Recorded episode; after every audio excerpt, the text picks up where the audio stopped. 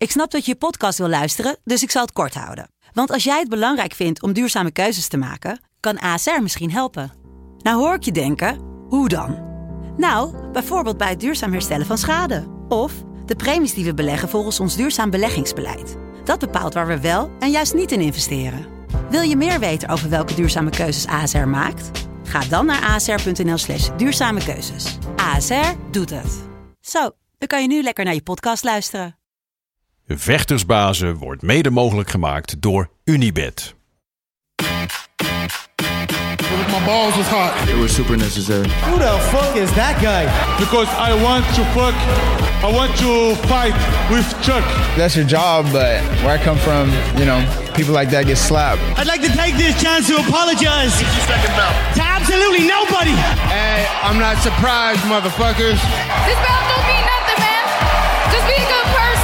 That's it. Shit.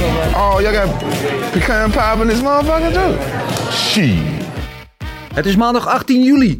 Tijd voor aflevering 70 alweer van de Gouden Kooi podcast. En het hitteplan is in werking getreden en de Vierdaagse heeft de eerste dag afgelast. Maar wij zijn er gewoon om de maandag de week mee af te trappen met je favoriete MMA podcast. En dat doen we natuurlijk niet zonder de man die altijd tegenover mij zit op deze vroege maandag. De man, de myth, de legend, de hurricane. Gilbert Eiffel. Ja, Goedemorgen. ja, als ik die lach zie hoef ik al niet meer te vragen hoe het met je gaat. Maar toch eventjes voor de vorm, hoe gaat het met je? Fantastisch. Is het lekker weer? Ja. Heerlijk. We zitten hier. De baas in die zit eh, de- op de Vierdaagse. Oh, Hij is mooi me alleen. die is niet aan het lopen vandaag dus? Nee, nee, nee. Die gaat eh, met de toektoek eh ijsjes en ijsjes plaatsen daar. Oké, nou dat is goede handel. Ja, dat is goede handel. Dus die is lekker weg. Dat is mooi rustig. Ja, Niemand die me stoort. Niemand die me zeurt Lekker. thuis. Oh, leven is fantastisch. maar, maar ben jij iemand die, die, die zegt van nou lekker weer, mooi, eh eh, te- tegenslippertjes aan en genieten van het weer? Of eh, net zoals de rest van Nederland al van tevoren lopen te suggen en te puffen van oh het wordt zo warm, oh de hitte des doods. eh. Nee, nee, die piepers. Nee, man. Nee, ik, ik eigenlijk loop ik vrijwel nooit in slippers. Gewoon in joggingpak eigenlijk. ik wel, toevallig eh, vandaag. Ik eh, gewoon voel, eh, ja, plezier toch niet. Ja, nee, ik zag het wel. Een beetje een ongelofelijke kuiten. Nee, ehm, ik, eh, ik, vind het, ik vind het heerlijk. Maar ik ben in principe eigenlijk altijd op de sportschool. Ja. Dus, ik heb vanmorgen getraind. Naar huis gegaan. Dan ben ik hier. Ik zo meteen even naar huis. En dan moet ik straks weer naar de sportschool. Dus dat is dan een beetje jammer. Maar als ik kans heb, dan ga ik even in de tuin zitten. Ik had gisteren Ja, ja. trouwens een, een, klein uurtje op het terras. Ja, Dat is een van onze luisteraars, Christy. Dag Christy. Ze vroeg, eh, ik moest vroeger aan Marcel de groetjes doen. oh, Yes, Marcel, groetjes aan Christy. Ja. Groetjes terug. ja. Nee, en eh, ja, genieten, maar is toch lekker? ja, ja. Eh, mensen, ja, gewoon man. Het is, eh, het is, het, je wordt gewoon helemaal gelukkig en lekker van het warme weer. Dat Gelukkig. Nou, eh, eh, voor de mensen die er minder goed op gaan, allemaal veel sterkte. Veel drinken.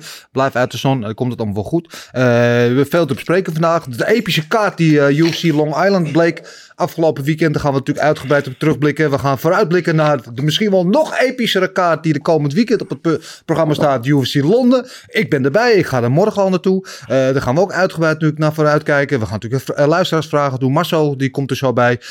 Gok op knokken gaan we weer doen. We gaan proberen straks nog eventjes, ik hoop dat het lukt, naar single te bellen met Reinier Ridder. De Dutch Knight, die daar af, aankomende vrijdag zijn eh, middleweight belt verdedigt tegen eh, Vitali Biktas. Eh, hopen dat het lukt en anders gaan we dat apart nog doen. Maar in ieder geval, dat staat op het programma en nog veel meer. Maar ik wilde eerst eventjes ook nog even dit eventjes onder de aandacht brengen. Dit is de nieuwe Fighting Network magazine. En natuurlijk mooi, hè? De, de Peter Aarts, natuurlijk de Nederlands vechtsport-icoon op de voorkant.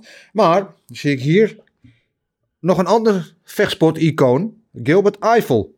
De verkeerd geslepen diamant van het MMA.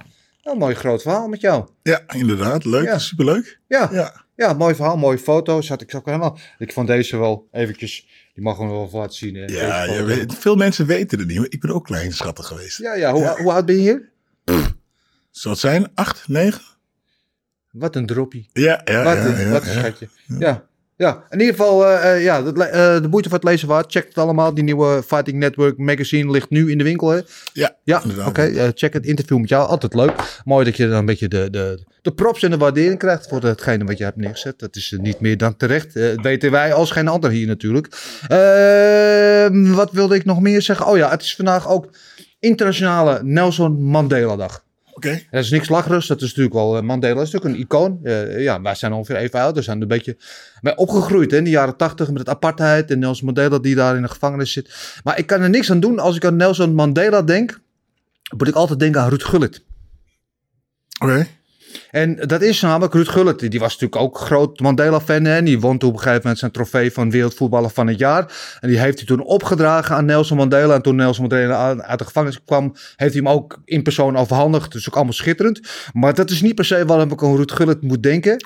Maar hij zat ook in zo'n, zo'n reggae-bandje speelde. Die hadden ze de Revelation Time. Ik weet niet of je dat nog kan herinneren. Heb je wel eens verteld? Ja, ik, ja. en die hadden een nummer dat ging over Nelson Mandela, South Africa. Eh, Oké, reggae-nummer, niet, eh, ik ben wel een reggae-liefhebber, maar staat niet in mijn top 10 van beste reggae-nummers. Maar wel een catchy tuentje. En ik weet niet, als ik aan Nelson Mandela denk, dan komt altijd dat nummer in mijn hoofd, op de een of andere manier. Dus eh, eh, ja, Nelson Mandela dag, dus natuurlijk een grote vrijheidsstrijder, belangrijke man voor de wereld geweest. En het is vandaag ook Get Out of the Doghouse Day. Oh ja, ja, Ja. ja. ja, ja, ja, Ja. Nee, Ja, ben je, dus- er- ben je, erin geweest de laatste tijd? Ja, ja, laten we zeggen, ja. De ketting was uh, zat strak. Nee hoor, nee, valt nog mee. Ik, Ja, we zitten maar allemaal wel eens Ik kan alles elkaar. zeggen, want de luistert kijkt toch niet.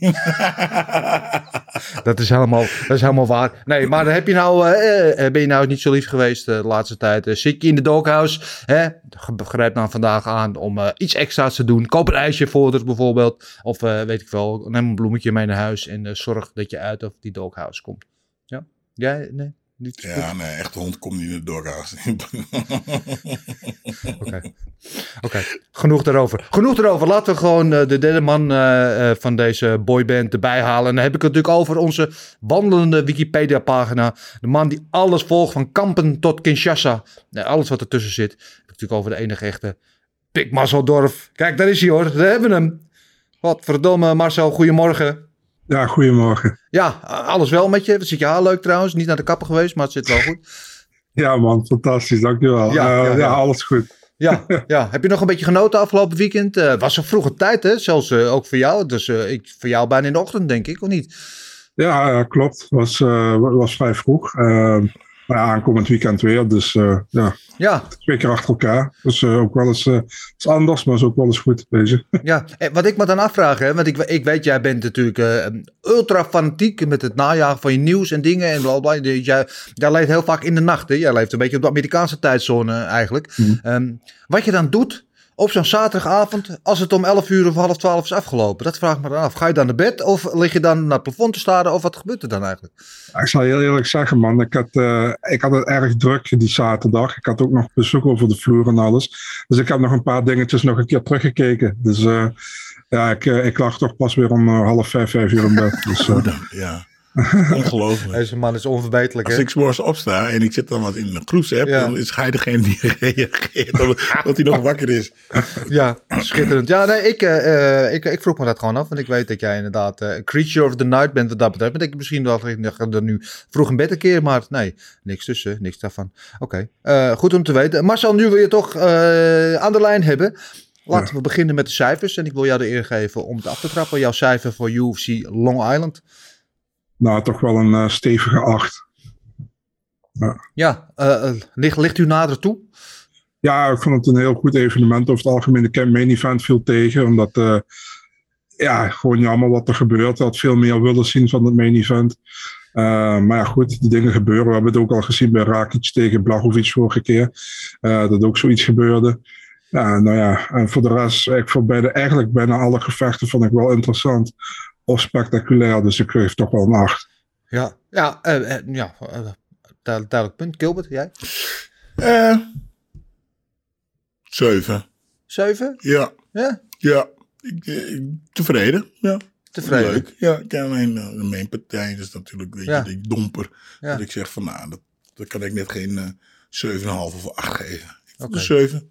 Oké, oké, duidelijk. Ja, ik, als die main event eh, had geleverd zoals we van tevoren hadden gehoopt, dan was ik naar 9 gegaan. Maar ja, dat was natuurlijk een beetje nu een anticlimax inderdaad. Hoe dat eindigt in de tweede ronde. Kan niemand wat aan doen. Ja, shit happens. Schouder ging uit de kom eh, bij Ortega en kon gewoon niet verder. eh, dus ja, daar valt niemand wat te verwijten. Maar het is spijtig dat het evenement zo moest aflopen. Ik vond het voor de rest eigenlijk vanaf alle prelims tot en met de co-main event Allemaal eh, ehm, op zijn minst ambitiant, dan wel goed, dan wel spannend, dan wel eh, spectaculair. Eh, dus ik eh, wil eigenlijk op de lijn van Marcel gaan zitten. Ik zou ook een 8 willen geven, want ondanks ja, de, de, de domper waar het mee uitging, het ging, was het toch een, een fantastisch evenement. Eerste keer in de UB UBS Arena in Long Island. Well, is mij ook wel goed bevallen. Goed publiek, live publiek. Ik zou willen zeggen, na Londen misschien wel het beste publiek tot nu toe dit jaar. Eh, ehm, lees hier nominatie voor alvast een eh, gouden tompoes. Ehm, en het maakt het gewoon, überhaupt, weet je wel, of het nou Long Island is of eh, waar dan ook. Vechten met publiek, het is, maakt gewoon zo'n verschil. Beter, ook ja. in de emoties, in de beleving van voor ons als tv-kijker. Maar ook in de, de intensiteit van de vechters in de kooi. Het is gewoon een andere sport. Het is bijna een soort van competitievervalsing, weet je wel. Dat de twee gasten dan de ene keer met publiek en dan zonder... Ja, het is gewoon, het is gewoon een hele andere dimensie geeft het eraan. En dus eh, ook ik wel een speciale shout-out eh, voor het publiek in Long Island. Jullie hebben echt, eh, ja, jullie hebben de moeite waard gemaakt om naar te kijken. Vond het gek.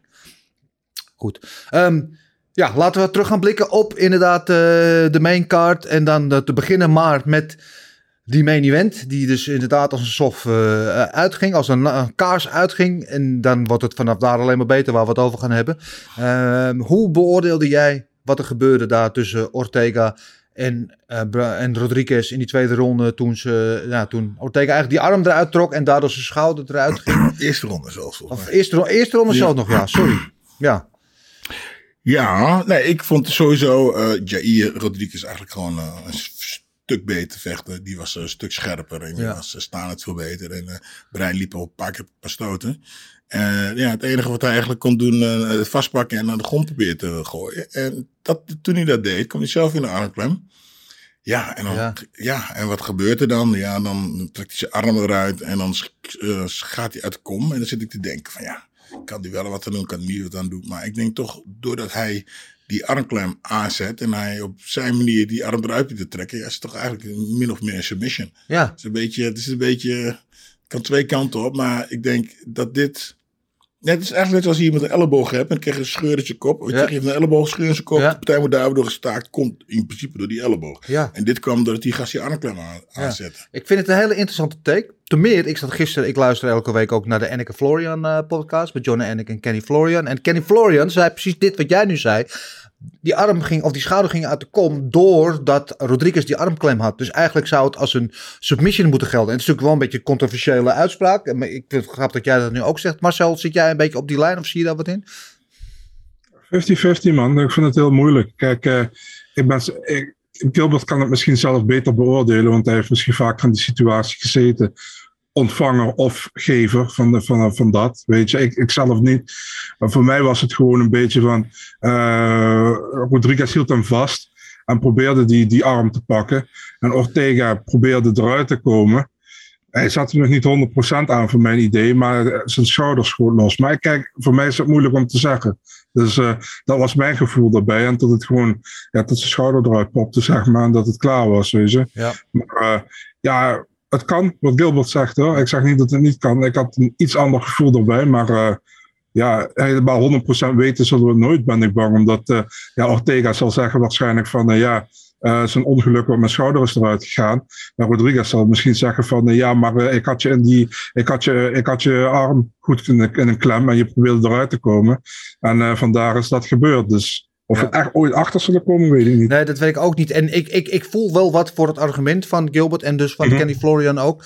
Behalve het enige wat mij daar een beetje tegenhoudt, is dat die schouder van Ortega, daar heeft hij in het verleden al vaker problemen mee gehad. Dus dat zat al niet 100% goed. En de vraag blijft dan, gebeurt het ook op het moment dat die schouder 100% gezond is? Eh, en kun je dat dan toeschrijven überhaupt aan eh, wat Rodriguez deed? Of is het eh, gewoon die schouder die al gewoon half gammel was? Maar goed, dat zullen we inderdaad ook Ja, niet weten. weet je, mijn eh, Braziliaanse jiu-jitsu coach John Lewis, die zei van, Gilbert, soms als je op de grond bent, ga over die armklem, ga Ja. voor dat beenklem en misschien zit hij net niet, Ja, maar je doet hem wel pijn. En als je dan pijn hebt, helemaal met een enkelklem, weet je, en hij zit half en, en de volgende ronde begint en dan kan hij misschien iets minder beter goed bestaan en dan kan je toch op die manier de partij naar je toe trekken. En dat is met zo'n armklem ook, weet Ja. je. Hij zat misschien wel, zat misschien niet, maar doordoende dat die armklem gezet werd, moest hij dus iets doen waardoor hij geblesseerd raakte. Ja, en ik, ik snap het. Ik heb het ook liever waar, dat, dat iemand echt duidelijk neer wordt geslagen of die arm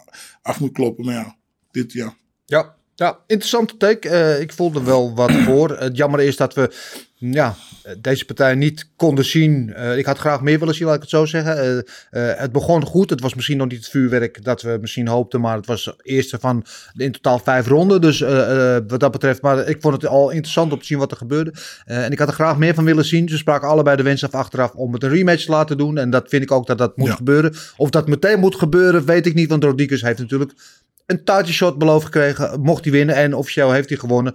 Dus eh, wat dat dan verder betekent, gaan we straks over hebben in, eh, in het matchmaker. Laten we het eh, eerst hebben over de co-main event. waar Michelle Watterson, die we tegenwoordig geloof ik Michelle Watterson Gomez moeten noemen. Wat daar de fuck aan de hand is, weet ik niet. Ik weet Marcel, jij schuwt ervan, van die naamsveranderingen. En ik snap het ook niet, want ze is al met die Gomez geloof ik al tien jaar getrouwd. Dus waarom dan nu opeens de naamverandering? Oké, anyway, het zal wel. Wij noemen er gewoon Michelle Watterson tegen Amanda Lemos. Eh, ja, die, eh, daar, die lieten kloppen. Eh, en we hadden al verwacht, maar we dachten allemaal dat Lemos de knockout ging slaan. Zo hebben wij dat ook allemaal voorspeld. Eh, en ze laten tikken. Alleen de scheidsrechter ziet het niet. En ehm, dan laat Lemos los van hallo, Ja, ja, kijken even dus. En Watson is dan wel zo sportief dat ze dan ook toegeven. Ja, Ja, die sliep ook bijna. Die ja, ik heb, ik heb getikt. Ehm, ja, goede perf- performance van Lemos. ja. Keihard. Lekker. Weet je, die, die, die, die sloeg. Ze had geraakt. Gewoon boven op de tribune gezeten. Die eh, Michelle Wattersons. Wattersons. Maar eh, ja, ze sprong op die uh, guillotine. Vond- Ze had hem half en ze sprong erop zo hard. Ja, geweldig. Ja. mooi. Ik vond het leuk.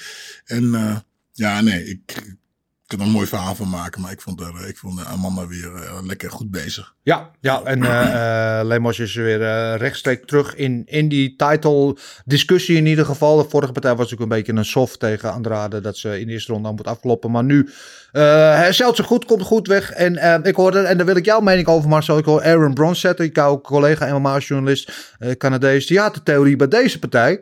eh, die vond ik ook wel grappig. Dat omdat die scheidsrechter niet zag dat zij klopte en wel de partij stopt. Dat het eigenlijk geen submission, maar een TKO zou moeten zijn. Marcel, eh, voel jij daar wat voor? Hoe, zie je dat überhaupt? Nee, niet echt, als ik heel eerlijk ben. Want, ehm, ja, kijk, eh, het enige wat, wat, ik zoiets van had, van stel dat hij het niet gezien had. En dat eh Michelle Watterson ook niet had gezegd van, nee, nee, ik heb niet geklopt. Wat, wat was dan gebeurd? Weet je, Ja. hadden ze, waren ze dan, hadden ze dan verder gevochten? Hadden ze na afloop naar een review gegaan, naar een Ja. video eh, review? Maar weet je, daar had ik wel zoiets, maar wat Bron Stadler zag, had ik niet eens meegekregen. Nee, dat, eh, Nee. dat vind ik niet wat. Ik vind het gewoon een submission. Ze heeft afge, afgetikt. Ja. Is het de fout En, van de eh, scheidsrechter eigenlijk? Wel, eh, hij stond aan de andere kant, maar hij moet dat eigenlijk, hij moet zichzelf zo positioneren dat hij het wel kan zien. Nou, natuurlijk. sterker nog, ze trok, klopte met twee handen. Ja. Ja. Dus eh, de scheidsrechter, nou ja, waar maken we ons druk om? De scheidsrechter zag niet, Amanda liet le- los en eh Ja. Michelle die, die sliep Ja. half. Dus dat... Ja. ja, maar ik moest is, erbij eh, terugdenken aan. En dan Michelle Watson, op een top sportieve sportvrouw. Dus die zou dat nooit doen. Maar wat was die partij ook alweer? Eh, was het met Verdum in PFL? Met, eh, dat- Ferreira, ja. ja, dat hij hem in een submission had. Dat hij klopte, dat hij losliet. Scheidsrechter het niet zag. En dat hij Verdum vervolgens knock-out werd geslagen. Oh, echt waar? Ja. Ja. maar daar heb je toch zo'n scheidsrechter. Daar vind ik dat je Ja, daar dus, een, weet je, eh, en dus het is, ja, als scheidsrechter, je moet daar wel een beetje scherp op zijn. Dat is jouw doel, doel jouw, jouw rol in die kooi. En hij zag het niet, terwijl hij, in het, terwijl hij inderdaad met twee handen tikte. Ik denk, Ja, maar de mar, de mar, var, mar. De VAR, ja, de, De video review, die hebben we Video tegenwoordig. review, maar, ja. En die komt dan op zo'n moment Ja. in, inderdaad in, eh, in de discussie. Alleen, gelukkig was het niet nodig. Michelle Watson is natuurlijk op en top een eh, gentle lady. Moet je zeggen, geen gentleman. Maar eh, ja, Dat is sportieve... eigenlijk achterlijk. Nee, klopt niet. Hier is Ja. Ja, Dennis, ja, kun je nog herinneren, jaren terug had je titelgevecht tussen eh, Murilo Bustamante en Matt Lindland. ja, die staat er niet bij. Nee. Ja, Lindland die tapte dus. En eh Bustamante liet toen los. En John McCarthy was toen de scheidsrechter. En toen eh, zei Lindland van nee, nee, ik heb niet getapt. En het was gewoon duidelijk te zien dat hij wel tapte. Toen werd gewoon opnieuw gestart. Ja, En toen heeft Bustamante hem opnieuw getapt. Dat is eigenlijk twee keer een titelgevecht. ja, en terecht. En terecht gaat hem eigenlijk gewoon eh, dicht moeten knijpen dan op dat moment. Laten slapen, hoppakee. Ja, eh, de partij die voor de Komen Event zat, was er eentje eh, die toch wel heel erg leuk was. Tussen de Leech, Li Lingjiang en eh Muslim Salikov. Eh, eh, voornamelijk een staande aangelegenheid, zoals wij van tevoren al eh, hadden eh, bevroed. Ehm, en de eerste ronde laat Leach laat hem eh, eventjes een beetje, ja, even een beetje uitvoelen. En eh, laat Salikov een beetje zijn ding doen. En de tweede ronde dacht hij, weet je wat? Ik gooi gewoon de beuk erin. En hier heb je hem, bam! Oh, lekker. En klaar. Nou was mijn vraag. Op wie had ik ook weer ge... Ja, jullie hadden allebei eh, Salikov. Ja, ik had als waar? enige Lee. Oh, Ja. dat heb je goed gedaan. Ja, ja, weliswaar op decision, Ik maar, wist niet meer. Ja, lekker. ja. Nee man, lekker. Hè? Hij, eh, hij maakte het goed af. Eh, die eh, links naar het lichaam en toen die rechts. Ik was er overheen. Oh, heerlijk. Ja, Ja, ja, ja, ja. schitterend. En eh, een goede comeback ook voor de, voor de Leach, die natuurlijk in zijn vorige partij tegen Kamp zat. Aan de andere kant van de medaille terecht kwam. Maar ja, heerlijke overwinning. En mooi hoe hij dan vervolgens ook eh, alle drie zijn coaches nog eventjes... eh Gegooid, ja, en jij gooi, en jij gooi, en jij gooi. Eh, totale blijdschap en emotie. eh, ook, hij was, hij was een beetje geëmotioneerd. Ja, ik was met Marcel, ik was met Marcel aan het appen. Hij, hij, was, hij stond hier te huilen en twee minuten later stond hij om ons toe te schreeuwen. Ja, er werd hoop, er een, Ja, ja. Nou er werd een hoop gehuild eh, zaterdag. ja, ik weet niet of er de uien werden gesneden daar in de UBS, Ja, Arena, UBS Arena. ja. Maar Het is echt heel mannelijk, vind ik toch. Ah ja, emoties, emoties maken een mens. Hoort erbij. Maar ehm, ja, eventjes. Ik wil die partij die daarvoor zit. Daar wil ik... Leach was geweldig. Geweldige eh, knockout. Of TKO. Maar die partij die daarvoor zat. Match snel. Tegen Sumadeji.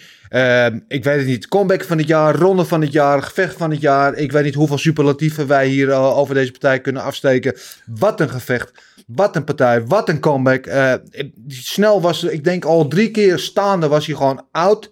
Eh, komt terug, sla- slaat uh, Jumadetje aan, brengt hem naar de grond en, en, ja, en, en, en maakt het volgens fantastisch af. Jezus Christus, wat een wedstrijd. Ja, fantastisch. Ja. Nou, kunnen we weer even teruggaan van vorige week, die partij. Dat wie, wie kreeg daar een beuk en... Oh, wie was het nou ook alweer? Maakt er niet uit. Ehm die ging, wat in mij eh, optiek het die gewoon te snel neer werd geslagen, werd gestopt die partij. Welke partij was het nou ook weer? Marcel. Die, werd Ik ben aan het denken. die zo snel neerging uh, vorige week. eh, Oh, en de RDA. ja, die die met kreeg een beuk. Ja, Ja. precies. Nou, Ja, Snap je? En, en, en Matt, eh, met, met, ja, kom op man. Ik zat te kijken. Nou, ik zeg maar, ze, ze hadden makkelijk drie keer partij kunnen stoppen. ja. Maar Nou dan ja, was ik- iedereen tevreden geweest. Had je En hij door. En nu hebben we een fantastische partij. Daarom wil ik zeggen. Ik denk dat ze de RDA. Dat, ja, het is moeilijk. Ik denk dat ze soms die vechtjes iets langer door moeten laten gaan. Nou ja, het is ook een spirit of the moment. Maar props voor de scheidsrechter in dit geval sowieso. Want inderdaad, hij stond er heel dicht bovenop. Hij was echt aan het kijken. En ik dacht, want die, die Zumerdetje gaf hem een paar ellebogen. En ik, als je, en ik dacht altijd nog één elleboog. En dan, dan, dan springt hij ertussen. Dan, dan, dan, Ja. dan pikt hij het niet meer. En, eh, maar hij zegt dan, geeft dan commenten. Fight back, fight back. Dus dan moet je er blijk van geven dat je nog in zit. Dat je beweegt. En dat deed hij. Die opstoothoek, dat was, ik zat vanmorgen nog te kijken. Hij kreeg klappen, klappen, klappen. En in één keer gaf hij nog een keer een opstoothoek terug. Ja, En dat heeft hem gered. Ja. Anders had hij het zeker eerder. eh, ja, ja. ja, ik, eh, het is fantastisch, weet je, heerlijk man. Hey, als, je, als je niet meer weet waar je bent. Hij zei ook na de partij dat hij niet meer wist wat er was gebeurd. Maar, ah, nou kijk, eh, dit, eh, even buiten het feit dat ik denk, hij zou het makkelijk kunnen stoppen. Dit is het lekkerste vechten. Ik heb tegen Jos Bennett heb ik ook drie ronden lang elleboog gelopen koppen. Ik mocht helaas niet kunnen winnen. Who cares? Maar dit is toch lekker. Dat Ja. je dan, hè, Daar nog weet zo je, dat je niet meer weet hoe je van achteren heet. Ja. dat je niet meer weet tegen wie je vecht. En dat toch nog die partij omdraait. En die gast gewoon eventjes KO knijpt. Ja, en het zegt, het zegt mij ook heel veel over het karakter van eh Matt Snell. Die achteraf in het interview eerlijk terug tegen, eh, toegaf dat hij gewoon niks meer wist van het gevecht. Dat hij gewoon echt puur op, op doorzettingsvermogen en hard en op de automatische piloot ehm, die comeback in werking heeft gezet. En die partij nog heeft gewonnen. Nou, dan ben je gewoon wel. En het zegt wat over je fysieke conditie. Dan ben je gewoon in topconditie.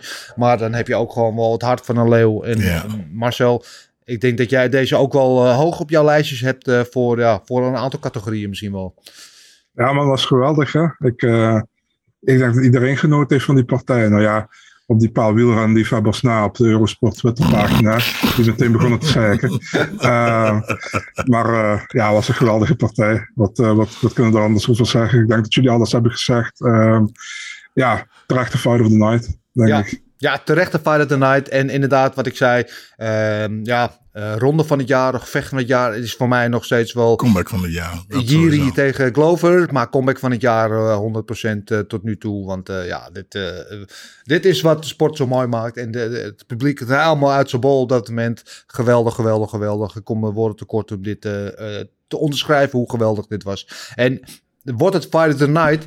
En, het, en dat wordt dan niet de partij die daarvoor zat, eh, Charles Jourdain tegen Shane Burgos, die op elke andere kaart waarschijnlijk gewoon Fight of the Night wordt. was ook een geweldige wedstrijd. En dat is lullig voor Shane Burgos, want die heeft dat al een keer eerder meegemaakt. Toen hij op een kaart stond, eh, toen vocht hij na, eh, wat was het? Chandler en tegen. Gaethje. Eh, en, en toen kwam hij daarna, en tegen wie vocht hij ook weer toen, Marcel? Billy Carantilla. Ja, tegen Billy Q. En, en dat wordt op ook elke andere kaart wordt, was het Fight the Night geweest. En toen zat hij na de Fight of the Year, Chandler tegen Gaethje. En iedereen zat in die arena toen een beetje van, eh, ja, het, is, leuk. Maar gewoon omdat die partij van daarvoor nog beter was. En nu gebeurt hem eigenlijk weer hetzelfde. Maar ja, wat een geweldige partij was ook uh, Mike Jordan en Shane Burgos. En Shane Burgos is jouw Mattie Marcel, dus ik laat jou deze aftrappen. Ah, nou snap ik dan. Hm, oké. Ja, wat snap je? snap ik het. Ik, Maar- heb, ik heb erover ik heb erover maar ik ben het niet meer eens met deze uitslag. En hij is, ah, Shane dit en, en Shane is Maar- de allerbeste. En, nee, dat zei Ja, niet. nee, maar, maar- nou, maar Shane- dat, dat, dat, wordt een, een majority decision voor, eh, voor Burgos. Ehm, kan ik prima mee leven. Ik neigde misschien iets meer naar de andere kant. Maar ik ook. het had allebei de kant op kunnen gaan, deze partij. Ik ook. Nou, oké. Eh, Dankjewel. kijk. maar, maar zo, kom maar. Ik zei eerst, eerste ronde. Het ligt eraan waar je naar kijkt. Weet je, kijk, de eerste ronde, als je kijkt naar significant strikes, ja, dan had J- Jourdain meer gedaan. Als je kijkt naar backtake, proberen te finishen, neck crank, kort bij een neck crank, dan kun je ook naar richting Burgos gaan. Weet je, de tweede ronde was duidelijk voor Burgos, de derde ronde was overduidelijk voor Jourdain. Dus ja, was, ik, vond een heel, vond een hele goede partij. Ik had niet verwacht dat Burgos zoveel eh, van zijn, eh, hoe noem je dat, van zijn van zijn grondgevecht zou laten zien. Het is Ja. niet typisch Burgos, maar het heeft wel de partij uiteindelijk gebracht. Ja. Ehm, de één judge had 20 28-28. Die had dus de eerste ronde voor Jourdain, de derde ronde voor Jourdain en die had een 10-8 voor Burgos in de tweede ronde. Ja. Ja. daar ben ik het totaal niet mee eens. En dat vind ik normaal de beste judge wat ze hebben, Michael Bell. Ja, Maar daar klopt het totaal niet voor. Kijk, je kijk als je 10-8 in de tweede ronde voor Burgos geeft, moet je ook 10-8 voor Jourdain geven ja, in de ja, derde dus dit- ronde. hier wou ik het even over hebben, inderdaad, deze discussie. Want ik, ik, er was, is zeker een, een case te maken voor die 10-8 ronde in de tweede ronde. Want hij, is, hij heeft vier minuten lang ongeveer heeft hij meer die body triangle gehad. En eh, twee of drie submission pogingen. En eh, waar, waar tenminste één keer, ik dacht dat hij, dat hij echt ging tikken. Dat hij in die crank zat. Dacht, toen had hij het heel moeilijk, moest hij heel hard werken, eh Jourdain, om eruit te komen. Ehm, dus dat is zo dominant. Misschien schade, maar wel heel dominant. Dus dan kan je absoluut zeggen dat is gewoon zo dominant als een 10-8. Maar dan moet je die derde ronde ook een 10-8 voor Jourdain scoren, dacht ik. Mhm. Het enige wat ik, waar ik wel nog een, een, een kanttekeningetje bij wil zetten is. eh, ik zag Mike Hack Jr. dat zeggen op, op Twitter en daar was ik het mee eens. In de derde ronde, na anderhalve minuut, ging eh Burgos voor een takedown. Ja, En hij had Jourdain bijna, maar Jourdain pakte de kooi vast. ja. En daarmee zette hij zichzelf in een betere positie, zodat hij takedown kon stoppen. En dat is ook wel een dingetje als hij daar die takedown had gehad. Maar goed, het is niet gebeurd. En Jourdain won de derde ronde duidelijk. Dus, eh, maar een hele goede partij. En luister, als Jourdain het had gekregen, had je me ook moeten klagen hoor. Het was eh, geheel gelijkwaardig, vond ik. En eigenlijk, ik, ik vond dat ze allebei eh, aanspraak maakten op de overwinning. Dus ja, Ja, zo de, zeker. de, de swing round was een beetje de eerste ronde, waarin mm Burgos het eerste deel en Jourdain het tweede deel van die ronde had. Eh, en de tweede derde ronde waren duidelijk. Gilbert, hoe had jij deze partij beoordeeld? Nou, ik heb wat anders. Ik sta, ik sta tegen de kooi. Ja. En eh, jij Dennis, je vecht, die valt me aan. Zet me vast in de hoek en begint te stoten. En ik blok alles. Mm, mm, mm, mm, Uh-huh. mm, mm, mm, mm, mm, mm, mm, mm. Wie kreeg dan de punten? Dan op dat moment zou ik zeggen degene die druk zet en aanvalt. Maar ik blok alles. Maar als jij niks terug doet, Je, krijgt, niks- je krijgt geen punten voor verdediging, man. Oké, maar als je het raak slaat, dan krijg je, krijg je dus krijg je wel punten voor, niet, voor, misslaan. Nou ja, volgens mij zijn de criteria zijn, eh, zo. Dus eerst eh, schade, eh, dan aanval, dus druk zetten, ring control en, en dan weet ik veel punten gewoon, weet je. Dus dat volgens die criteria. Dus eerst is schade, heb je die niet, dan gaat het over aan, de, aan wie de meest aanvallende is, dan gaat het om wie de meeste ring control. Dus als er verder niet zoveel gebeurt, maar jij bent degene die het druk zet en jij verdedigt alleen maar, dan is degene die die druk zet, is degene die dan in Ja, principe de maar dan, hoe kunnen ze dan criteria. op de grond... Ja, sorry, ik kan gewoon niet geloven dat je iemand een, een, een, een, een, een 10-8 kan geven op de grond als iemand eh, eh, eh, alleen maar aanvalt. Nou ja, in die zin, kijk, hij heeft hem in een positie in die body triangle, dat Jude absoluut helemaal geen kant op kan. Kan helemaal niks doen. Maar hij kan er ook niks mee. Dus ze kunnen eigenlijk allebei niks. Nou ja, in die zin dat hij wel eh, eh, twee bijna submissions heeft. Bij, ja, bijna hebben we niks aan. Ja, sorry, maar ik snap het. Ik snap, ik snap het niet. Geef 10-9. Jij was beter op de grond dan hem. Weet je, als je je kop open elleboogd. Ja. Weet je, dat is echt. eh, en hij dan Maar wel. Nu hebben we het net over, over die partij Ortega Rodriguez, over die armklem. Dat hij inderdaad daar de props van moet krijgen. Want doordat hij hem in die positie brengt, kan Ortega niet meer verder. Mhm. Oké, kan ik heel ver in met je meegaan. Misschien ben ik het wel zelf met je eens. Eh, maar dan is dit in dit geval toch ook. Want schade op de grond met grappelen is moeilijk te meten. Maar als jij iemand twee minuten lang in een, in een crank hebt. en zijn kaak eh, misschien bijna verbrijzelt. heeft hij daar misschien wel zoveel last van. dat dat ook een schade moet je tellen. zegt- Alleen dat is moeilijk te meten. Want je ziet er geen bloed uitvloeien. Hij zegt misschien. Ja. Alright, maar eh eh, weet eh, shit, even scrollen. Brian, die kon Ja. meer verder vechten. Ja, dus zoveel schade dat hij niet verder kon vechten. Ja. En ehm eh, eh, weet je? Jourdain? Jourdain, eh, die, stond, die stond op Ja. en die sloeg op een gegeven moment de derde ronde helemaal in elkaar. Nee, ik, ik niet, ik, niet.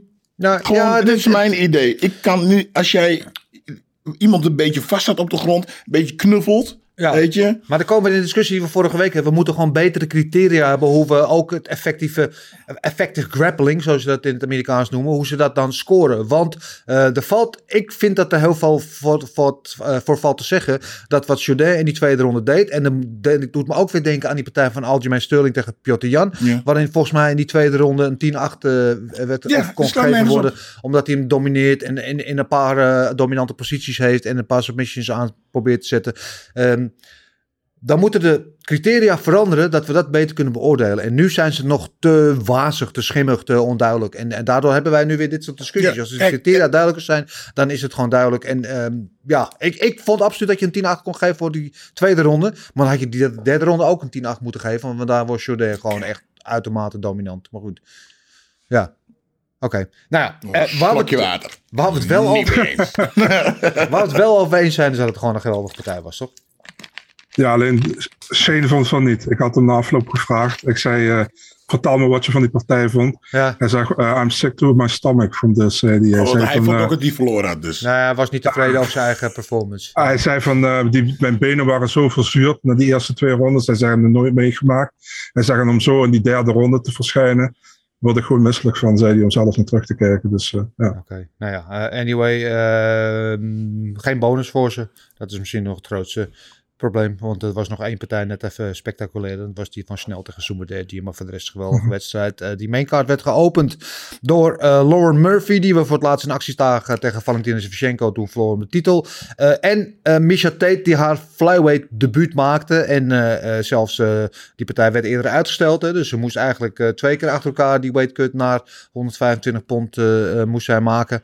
En waren allemaal heel benieuwd hoe ze eruit zag. En ze kwam, nou bij de weging zag ze er al vrij oké uit. Niet helemaal uitgemergeld, dus het, het leek eh, vrij positief. Toen kwam ze naar die kooi. En ik, voordat we over de partij gaan hebben, de twee opkomsten van beide vrouwen. Lauren Murphy die kwam naar de kooi, verbeterde blik, focus, serieus, gemeen, kwam om te knokken. Lauren Tate kwam aan, lachend, handkusjes naar de kinderen, even een knuffeltje, hebben gezellig. Eh, totaal En ik zeg niet dat het een beter of slechter is. Maar toen dacht ik wel bij mezelf van, ja, waar ligt hier je focus? En wat zei ik tegen eh, jou, Dennis? Of eh, Dennis, eh, Marcel? Dat is, de Ja. reden, dat is de reden waarom ze gaat verliezen. Omdat de kusjes aan de kinderen wil geven. En, en, dat, voor die, en die Michelle Watson deed het trouwens ook. En nee man, je gaat vechten, gefocust. Je moet iemand in elkaar trappen. Je moet de kop eraf trekken. En niet je kinderen Ja. kusjes gaan geven. Want dan ben je met andere dingen bezig. Ja, nou ja, en ik weet niet of dat per se voor iedereen geldt. Want ieder- sommige mensen gaan anders met die mentale dingen om. Maar ik vond wel dat, dat datgene in de wedstrijd terug te zien was. Want uh, Tate vocht niet eens slecht. Maar alles was een beetje halfbakken. dus je geeft nu eigenlijk al je antwoord op jezelf. Wat je nu net Weet je, zegt. de takedowns die ze inzetten, zaten niet de volle, eh, hoe zeg je, de volle overtuiging achter. Ze deed wel dingen, maar Murphy die was, was gewoon verbeterd. Die stond daar en die was gewoon niet van plan te verliezen. Die was gewoon knokken. Alles wat ze deed was hard. En eh, ze was fysiek, en dat vond ik wat opvallend. Ze was fysiek, was ze gewoon in alles sterker dan Tate. Terwijl Tate van een gewichtsklasse hoog naar beneden kwam. Daar eigenlijk dan zou je vermoeden het fysieke voordeel zou hebben ten opzichte van Murphy. Maar ten overgestelde was waar. En Murphy zegt gewoon een dog. En eh, een vrouw die toch wel... eh, want we doen allemaal een beetje ging, ging schikken dansen verloren van Shevchenko. Maar wie verliest niet van Shevchenko? Zij achteraf ook dat ze toen in die wedstrijd zich niet goed Mm. voelde. Dat ze ziek was. Dat ze daardoor niet optimaal gepresteerd heeft. Ik denk ja, eh, deze eh Lauren Murphy tegen Shevchenko was misschien wel een andere wedstrijd. Ik zeg niet dat ze wint. Mm. Maar deze Lauren Murphy vond ik echt tof om te zien. Mm, Ja, la- Ehm, Michel, is? Eh, ja, ik ben zo. De cupcake, ja. cupcake kreeg Ja. meteen volgens mij van Kuit af aan al een beuk op gezicht. Ja. Toen- Zo. je had toen al geen zin meer. Ik dacht, oh shit, waar ben ik mee bezig? Want die shooten twee, drie keer, alles werd gespraald en alle hoop Ja. ging zo. Ja. Terwijl ik, eh, dingen was natuurlijk veel beter. weet je, jongen, ik zit, ik ben weer heel goed bezig vandaag. Ja. Ik ben weer heel scherp. Eh, ja, Lauren. Maar ook echt niet heel erg goed eigenlijk. Ik zei, alles was zo langzaam en het zat er allemaal een beetje stroevig uit. Volgens mij, eh, dat is de tweede ronde, toen kwam ze een beetje los. Er was er een beetje Ja. souplesse erin. Ja, maar eh eh, eh, Tate, ja, een one-trick pony eh, naar de grond proberen te brengen. Ze heeft wat, eh, tweede Ja. ronde trouwens kon ze ook een beetje, werd ze ook wat lossen. Ja. Koos ze twee, drie stoten. Ja, ze had af en toe, af en toe Ja. absoluut wel een paar goede hits. Maar eh, niks wat eh, in de buurt kwam van de overtuiging waarin Nee, Murphy dat nee, deed. Nee, nee. Ja. En ja, ehm, ja, ja, dat is het. Als je one-trick pony bent, je kan alleen maar eh, eh, grondvechten. Ja, en als dat wordt gestopt, ja, wat moet je dan? Ja. Ja, ja en eh, ja, Misha, die, nou, wat we al zeiden, dus die was te druk bezig met andere dingen.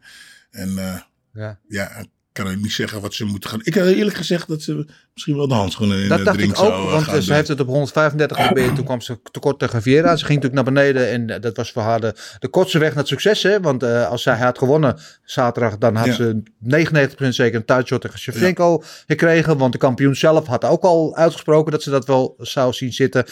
En dat is ook niet gelukt. Dus ja, wordt ze nu gewoon een contender in de divisie om Ja. gewoon een potje mee te draaien. Ik weet niet of ze daar zin in heeft op 35-jarige leeftijd. Dat verwacht ik ook. Nou, ik, En wat je zag, ze heeft gewoon of een, ze heeft echt een zware update nodig, want ze vocht gewoon nog old school. Ja. Je ziet het gewoon. En ik zat te Ja. denken, als je al die jonge, jonge dames nu in die, in die divisie ziet, ja, ze, ik denk dat ze allemaal, de rest allemaal dwars doorheen lopen. Ja. Het is gewoon allemaal een nieuwe, een nieuwe stijl. Nou, dan heb ik een vraag voor jou inderdaad, Marcel, hierop uh, voortbedurend. Want eh, ik zat naar die wedstrijd te kijken zaterdag en ik herinner mij Tate als iemand die beter is. Maar tegelijkertijd dacht ik, ja, misschien is ze wel niet slechter geworden eh, dan ze er nu uitziet. Maar misschien is de rest heeft haar gewoon ingehaald. En ik weet niet hoe jij dat ziet. Eh, eh, is, is het is gewoon ingehaald door de tante tijd zijn de anderen haar voorbij gestreefd? Ik denk dat ze gewoon stil is blijven staan. En naar oude, hoe noem je dat? Gewoon naar oude niveau, denk ik. Ik denk gewoon dat anderen inderdaad meer ge- ge- geëvolueerd zijn, zeg maar, snap je? En dat, denk ik een beetje. Ik denk, kijk, wie ben ik om het te zeggen? Maar ik heb het idee, sinds dat Tate terug is, ja, ik heb niet echt verbetering gezien. Kijk, ze heeft van Marion Renault gewonnen in dat, in dat comeback. maar ja, Marion Renault zei voor die 57 partij. zo, ja, toch? Ja. Ja, die was al half weg. Dus die, die had al eh, zoiets. En tegen Vieira, Tate blijft volhouden dat het een close gevecht was. Het was helemaal geen close gevecht, vond ik. Maar goed. Eh, en, en deze was, was eigenlijk ook niet close, weet je. En de, de kijk, en ik ben echt gaan eikel wat dat betreft. Kijk, de UFC wilde Tate een titelgevecht geven als hij hier zou winnen. En puur en alleen al ben ik daarom blij dat ze niet gewonnen heeft. Ja. Want het slaat natuurlijk nergens op dat je een titelgevecht krijgt. Omdat je Nee, omdat je naam hebt. Ja. Puur, puur omdat je naam hebt. Want daarom had ze het titelgevecht gekregen. En door, door verleden behaalde prestaties. En ehm, ja, ik denk dat. eh, en, ook Tate, kijk, als je naar de interviews van Tate kijkt rond Fight Week en ook met Charles. Ze heeft niet één keer volgens mij de naam Lauren Murphy gezegd. Ze heeft alleen maar over Shevchenko gehad. Van eh, my next fight can be against Shevchenko, bla bla bla. Ja. Dus ze, wat mij betreft heeft ze ook gewoon langs Murphy gekeken. Had zoiets van: als ik deze win, ben ik waar ik moet zijn volgens haar. En dat is niet gekomen. Dus ja, dat is, eh, Murphy heeft goed gedaan. Ehm, maar Murphy is eigenlijk ook van haar generatie vechters, vind ik. Alleen, voor, voor naar mijn idee was Murphy veel meer gefocust van: ik ga ervoor zorgen dat ik hier blijf en dat ik in die title contention blijf. En dat Tate had meer zoiets van, ja, dit is toch echt mijn laatste kans en ik ga het gewoon proberen, weet je. En het is gewoon niet uitgekomen. En ja, Gilbert zei al meteen, uh, hoe noem je dat volgens mij na de tweede ronde al, van uh, nee joh, gaat niks worden. Want ze is meer met, uh, met de zaken ernaast bezig dan met, dan met het gevecht zelf. Dus ja. ja.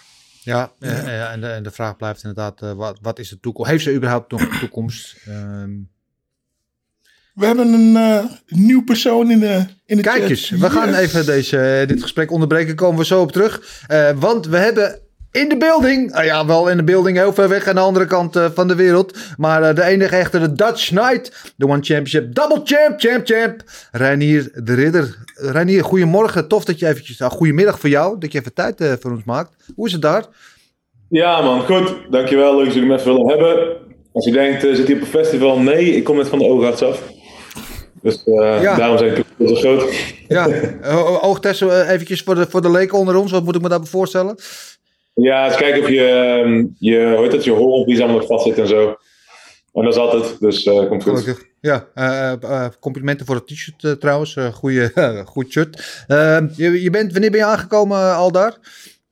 Vanochtend. Vanochtend. Even een groot probleem. Um, eergisteren, zaterdag, toen we op Schiphol aankwamen wilde ik inchecken en zegt het vrouwtje, of wilde ik mijn bagage droppen, ik was al ingecheckt. Zegt het vrouwtje, ja, er is geen plek meer op dit vliegtuig voor jullie, dus donder maar op. Niet. Toen heb ik uh, ruzie gemaakt met drie KLM-vrouwtjes. Tot security kwam en toen ben ik er maar weggegaan. Oh, crap. En, dat is een lekker begin. Toen hebben we nog via Düsseldorf een vlucht kunnen vinden op het laatste moment en alles nog gelukt, gelukt. Ja, niet echt een ideale toenadering van het gevecht, zeg maar. Nee, fucking irritant. Maar ja, het is gebeurd en uh, gelukkig zijn we er. Vlucht was heel goed, lekker kunnen slapen, dus uh, ja. alles oké. Ja, met iets vertraging aangekomen dus. Uh, hoe zit het dan jetlag technisch en heb je genoeg tijd om te herstellen na, na vrijdag toe? Jawel, ik heb altijd twee nachtjes nodig. Dus ehm, ik neem vanavond melatonine om te slapen en dan slaap ik meestal vrij goed. En dan morgen nog een keertje. En dan daarna ben ik helemaal normaal. Hartstikke goed. Hey, Vitali Bigdash.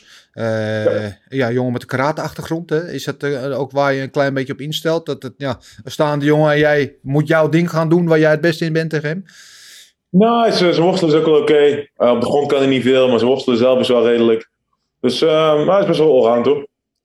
Ja, maar ja, hoe, hoe zie je dit gevecht verlopen? Ja, zonder dat je je gameplan nu natuurlijk op tafel gaat leggen. Als een slachting. Ja, als een slachting, ja. Ja, wat ja, is het? Maar, ja. Hij is sterk, maar wordt snel moe. Je gaat druk op hem zetten, ga hem raken met een paar goede stoten, een paar goed zijn lichaam knieën, naar de grond trekken, choken. Ja, mooi man. Mooi. En dan, uh, en, en het is voor de middleweight uh, belt. En uh, eventjes, je mag nooit over een partij heen kijken. We hebben het met Michel Tate over gehad. Maar als je een klein beetje over deze partij heen kijkt, wat ligt er dan de rest van het jaar voor jou in het geschied? Die andere belt verdedigen? Of? Ja, daar heb ik net nog met de gasten over gehad ik zeg heavyweight, maar ze wel een keer dat ik te licht ben. Maar uh, uh, ik wil liefst op heavyweight vechten. Ze hebben eerst die, ze hebben de interim kampioen en de kampioen. die moeten tegen elkaar vechten. Dat gaat binnenkort gebeuren, hoor ik net. En laat mij maar tegen de winnaar van vechten, wat mij Ja, en dan is het dan voor jou een mooi moment om in de zonsondergang tegemoet te gaan, One Championship wise? Of... Dat mag je natuurlijk niet zeggen, want dan gaan ze je nooit dat gevecht geven. Precies. Ja, oké. Nee, ik kan niet veel over zeggen, maar het contract loopt wel af uh, einde van het jaar. Dus uh, wellicht uh, komen in ieder geval onderhandelingen aan. Oké, okay, dat ben ik heel benieuwd naar. ook eventjes een klein sprongetje maken waar we het laatste keer over hadden. Zei je, Adesanya, dat zou je wel een mooi gevecht vinden een keer. Hè? Als, stel dat je ooit die stap maakt, hè? misschien wel einde van het jaar, uh, Adesanya. Maar dan gaat er iemand zijn die, hem misschien, die jou misschien wel te snel afwissen. Want er is bij een nieuwe kaper op de kust, in de persoon van Alex Pereira. Uh, Die dat misschien wel voor jou kan gaan flikken. Uh, denk je dat het hem gaat lukken überhaupt? Ja, spannend. Die heb je ook al veel gezien, denk ik, of niet? Ja, bij, die heb ik bij Gloryfell meegemaakt, ja. ja. Hoe is die in het echt? Ik, nee, ja. Ik werd het begin, is een, mooi verhaal. Ik werd het begin al een beetje geïntimideerd door hem. Uh, omdat hij, zoals hij in de kooi staat, zo is hij in real life ook. Hij zegt niet veel en dan is een taalbarrière natuurlijk, want hij spreekt echt geen woord Engels. Uh, Maar hij heeft natuurlijk zo'n, ja, met dat lage voorhoofd, zo'n frons. Hij kijkt de hele dag boos. En ik moest een keer een ding met hem opnemen. Oh, Ik had een tattoosje, die passeerde bij Glories. En dan gingen we dat tattoosje op. En dan stond hij naast me. En dan gingen we dan over zijn tattoos eh, praten. En daar zat er een tolk aan buitenbeeld bij. En op een gegeven moment zeg ik tegen die tolk. Ik zeg, is hij boos op mij? Ik voelde me echt een beetje geïntimideerd door hem. Dus zo, ja, hij zegt, kijk wat hij had zo boos aan. Dus hij vertaalde dat. En toen is de eerste keer dat ik hem ooit zag lachen. Hij, oh nee, nee, sorry, zo kijk ik gewoon. Dat is gewoon mijn gezicht. Ja. Maar ja, prima, prima eh gozer die eh, eh, ongelofelijke eh, eetlust heeft. Die gewoon dagen voor de wedstrijd nog pizza's en bitterballen eet. En dat, Oh, ja? ja, het is heel bijzonder. Maar eventjes daaraan eh, voorbij gaan. Wat, wat, wat denk je? Denk jij dat hij oplegt een bedreiging kan vormen voor Adesanya? Of is het te Ja, vroeg? ik denk, als hij heeft wel echt zoveel meer ervaring ehm, in eh, kleine handschoentjes. En nou, zal misschien een beetje gelijk zijn. Maar het lijkt me toch wel dat Adesanya gewoon een beslissing wint van hem. Maar ehm, ja, die gozer heeft echt maar één stoot nodig. Dat is het. Ja. Ja. Ja. Mooi man. Mooi. Ik ben heel benieuwd. Ehm, hoe is het daar trouwens? Wat, Ja? Die partijen die zij tegen elkaar gevochten hebben, die heb je niet live gezien, of wel? Dat was Die, niet heb ik bij niet live, die waren niet bij, eh, bij Glory inderdaad. Die waren bij, eh, bij WLF volgens mij. Of Kunlun in ieder geval. Oh, een. Chinese organisatie. Eh, ja, nee, nee, nee, die heb ik niet live gezien. En en uh, Pereira heeft die alle twee gewonnen. Maar voor wie de partij heeft gezien, dat zegt Adesanya altijd, is het wel een beetje vertekend. Want die partij dat hij Adesanya aan het einde nog uitzocht, die was Adesanya eigenlijk aan het winnen. En die andere partij was ook close decision, waar je ook zou kunnen zeggen dat Adesanya die mis- die misschien wel had gewonnen. Maar goed, inmiddels zoveel jaar verder. En Pereira heeft ook wel veel vertrouwen opgekregen. Nadat hij, eh, ik weet niet hoeveel gasten knock-out heeft geslagen met die linkerhoek. Dus Ja, zeker. ja, ja. Ja, deze gast, die Sean Strickland, is natuurlijk echt een lul met vingers. Toch? Ja. Ja, Die kan er niet veel, maar... nee. Ja, dat hebben wij Nee, hier ook was- over gehad inderdaad. Die dacht, ik ga wel even kickboksen met hem. Hij wilde wat bewijzen. Hij wilde echt laten zien van, ik kan met jou kickboksen. Eh, ik laat me niet uit het wil zeggen. Ja, een beetje eh, macho gedrag. Dom. Ja. Hey, we hebben hier vandaag in Nederland, ik weet niet wat we meegekregen, is het hitteplan in werking gesteld. De eerste dag van de Vierdaagse is afgelast. Wij zitten er uiteraard gewoon. Eh, waar jij zit is het natuurlijk altijd al bloedheet. Hoe is het daar nu? Ja, gewoon normaal inderdaad. Ik denk dat 30, 32 graden is of zo. Prima. Ja, en jij zit lekker in de hotel airco eh, de hele week. Ja, maar we kunnen naar buiten, dus ehm, we gaan zo meteen even een hapje eten ergens. Ja, Beetje chillen. Dus eh, kom maar goed. ja, want de vorige keren dat je daar was, was het natuurlijk nog een heel streng eh, COVID-protocol. Is er daar nu nog wat van te merken? Ja, je moet nog mondkapjes binnen op, dus dat is wel irritant. Ja, Maar ehm, we mogen in ieder geval gewoon naar buiten en dat is het belangrijkste. Dus we kunnen een beetje chillen, een beetje de stad verkennen. Dus dat is wel leuk tussendoor, toch? Anders hang je alleen maar op die hotelkamer eh, af te sterven. ja, dus je ziet nu eindelijk wat van de omgeving daar eh, voor het eerst. Ja, want de laatste twee keer mochten we na de partij eventjes naar buiten. Maar toen was ook eigenlijk eh, alles al dicht. Dus, Ja, ja. En wat staat de rest van, van de week nog op het programma? Veel mediaverplichtingen en ja, dat soort dingen allemaal. Altijd hetzelfde, toch een beetje hier. ja, Maar wel prima, wel leuk. ja, dat zijn jouw favoriete dingen, toch? Ja, zeker. Ja. Liefst de camera op mijn gezicht, dat is best de hele dag. Daarom waardeer ik het des te meer dat jij eventjes tijd maakt om hier eh, bij ons aan te schuiven, man. Dat vind ik... eh, Ah, dat is leuk met jullie. En ik vind eh, een beetje Nederlands lullen is nog makkelijker dan altijd serieus in het Engels. We stellen altijd dezelfde vragen. Denk, op een gegeven moment ben ik wel klaar mee. Maar... ja, ik begrijp het. Ik begrijp het. Ehm, je zal wel moe zijn nu, of niet? Nee, ik heb een lekker dutje gedaan. Dus ehm, even gewoon rekken tot vanavond. En dan snel weer in eh normaal eh, schemaatje. En dan eh, vanaf morgen alle, alle blikken op vrijdag. Ja, precies. Waar, waar hadden jullie het over? Is het UFC of zo van het weekend? Ja, we hebben afgelopen week UFC Long Island natuurlijk gehad. eh, met helaas de, de anticlimax van de main event Ortega tegen Rodriguez. Heb jij überhaupt wat van gezien eigenlijk? Was je toen druk Ja. aan het reizen? We hadden een beetje op vliegveld net een paar partijtjes zitten kijken. Ja, Maar dat was niet veel inderdaad. En Misha Tate ook weer verloren. ja, zeker. Ja. Dat is jammer. Heb je toevallig die partij van Snel tegen Sumaderji nog gezien? Ja, dat was ik aan begonnen, maar toen, eh, toen, toen ging de vlucht. Dus ik heb het niet helemaal gezien. Maar die was wel, eh, ging wel redelijk alle kanten op. Ja, ik zou zeggen, eh, als je een momentje nog hebt en je bent nog wakker zometeen, zet die even op en ga er even rustig voor zitten. Ga je absoluut geen spijt van krijgen. Misschien wel de comeback van het jaar, daar hadden wij het hier al over. Fantastisch. Ja, leuk. Goed. Maar is er komend weekend iets? Of niet? Londen, UFC Londen, Tom Aspinall tegen Curtis Blades. Ah, dat is wel een leuke partij. Want die Curtis Blades is wel een slechte matchup voor die Tom Aspinall, denk ik. Ja, zijn zwaarste test tot nu toe eh, sowieso. Ik ben heel benieuwd hoe hij daarmee omgaat. Ja, en wel met de 20.000 eh, man sterk achter hem natuurlijk, die eh, we naar de overwinning gaan proberen te schreeuwen. Dus ik ben echt heel benieuwd. Het wordt sowieso Het wel cool zijn daar in Engeland, eh, de evenementen. Ja, ja, absoluut. Absoluut. Tijd dat eh, One Championship die kant op komt. Of in ieder geval dat we jou weer een keer in de buurt zien vechten. Dat zou voor jou ook wel fijn zijn, denk ik. Ja, dit is ook allemaal oké, maar het zou ook wel eens leuk zijn om een keer wat anders te zien dan Singapore. Is de vijfde keer nou. Dus eh, ergens anders zou ook wel prima zijn een keertje. Ja, ja. Nou, wie weet wat het einde van het jaar gaat gebeuren. Wie weet. Ik laat jullie weten. Eh, we zitten met spanning te wachten. Eh Reinier, ik zou je niet langer ophouden. Dankjewel dat je even tijd wilde maken voor ons. Hartstikke tof. En namens ons allemaal heel veel succes. Break a leg, zeggen ze in het Engels. Misschien wel letterlijk. Ik weet het niet, als je maar wint. Zijn arm is ook goed. Arm is ook goed, zegt Gilbert. Ga ik allemaal doen. Succes. Oké. Fijne dag, man. Ja, fijne dag en succes. eh, de Dutch Night. eh, Reinier erin. Verdedigde dus aankomende vrijdag zijn middleweight belt tegen Vitaly Bigdash bij One Championship in Singapore. En eh, wij gaan er allemaal naar kijken. Uiteraard. Eh even terug naar de, de orde van de dag. Hadden natuurlijk eh, de main card behandeld. Eh, Oh, here we go. Ja. de prelims waren ook genoeg eh, mooie dingen te beleven. Goede knockout van uh, Soriano. Eh, Ricky Simone, die Jack Short zijn eerste professionele verlies toebracht. Dustin Jacoby, wederom met een hele goede overwinning. Die is echt aan een hele goede streak bezig eh, bij de UFC sinds hij zijn comeback heeft gemaakt daar. En het momentje waar jij het graag over wil hebben was daar bij eh, LGO tegen eh, niet Gilbert, maar Herbert Burns. Zijn broer die hem eh, eh, nou, bijna een ronde lang in een soort submission eh, poging had. En uiteindelijk gewoon ja, opgaf. Ja, wat een slappe. Ja, hoe moet ik zeggen? Oh my damn. Eigenlijk, iedereen wist het eigenlijk al. Weet je, de commentator, de, ik, ik luisterde de Engelse, die zeiden al, nou ja, ehm, ja, als iets condities gewoon kut. Als het te lang duurt, dan, is het, eh, dan eh, kan hij niet verder. Ja, en hij hield hem dus de eerste ronde op de grond. kon hij niet afmaken. Hij had hem wel bijna in die, tra- dat er nou triangles, dus had hij hem in? Toch? Triangle? Ja. Ja, en hij kon, de, hij kon er niet afmaken en toen gaf hij op. Ja. Ja, gaf gewoon op. Ja, moe.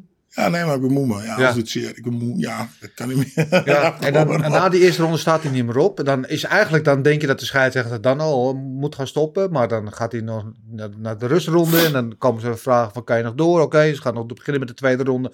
En in de tweede ronde komen ze weer op de grond. En eh Aljo staat op.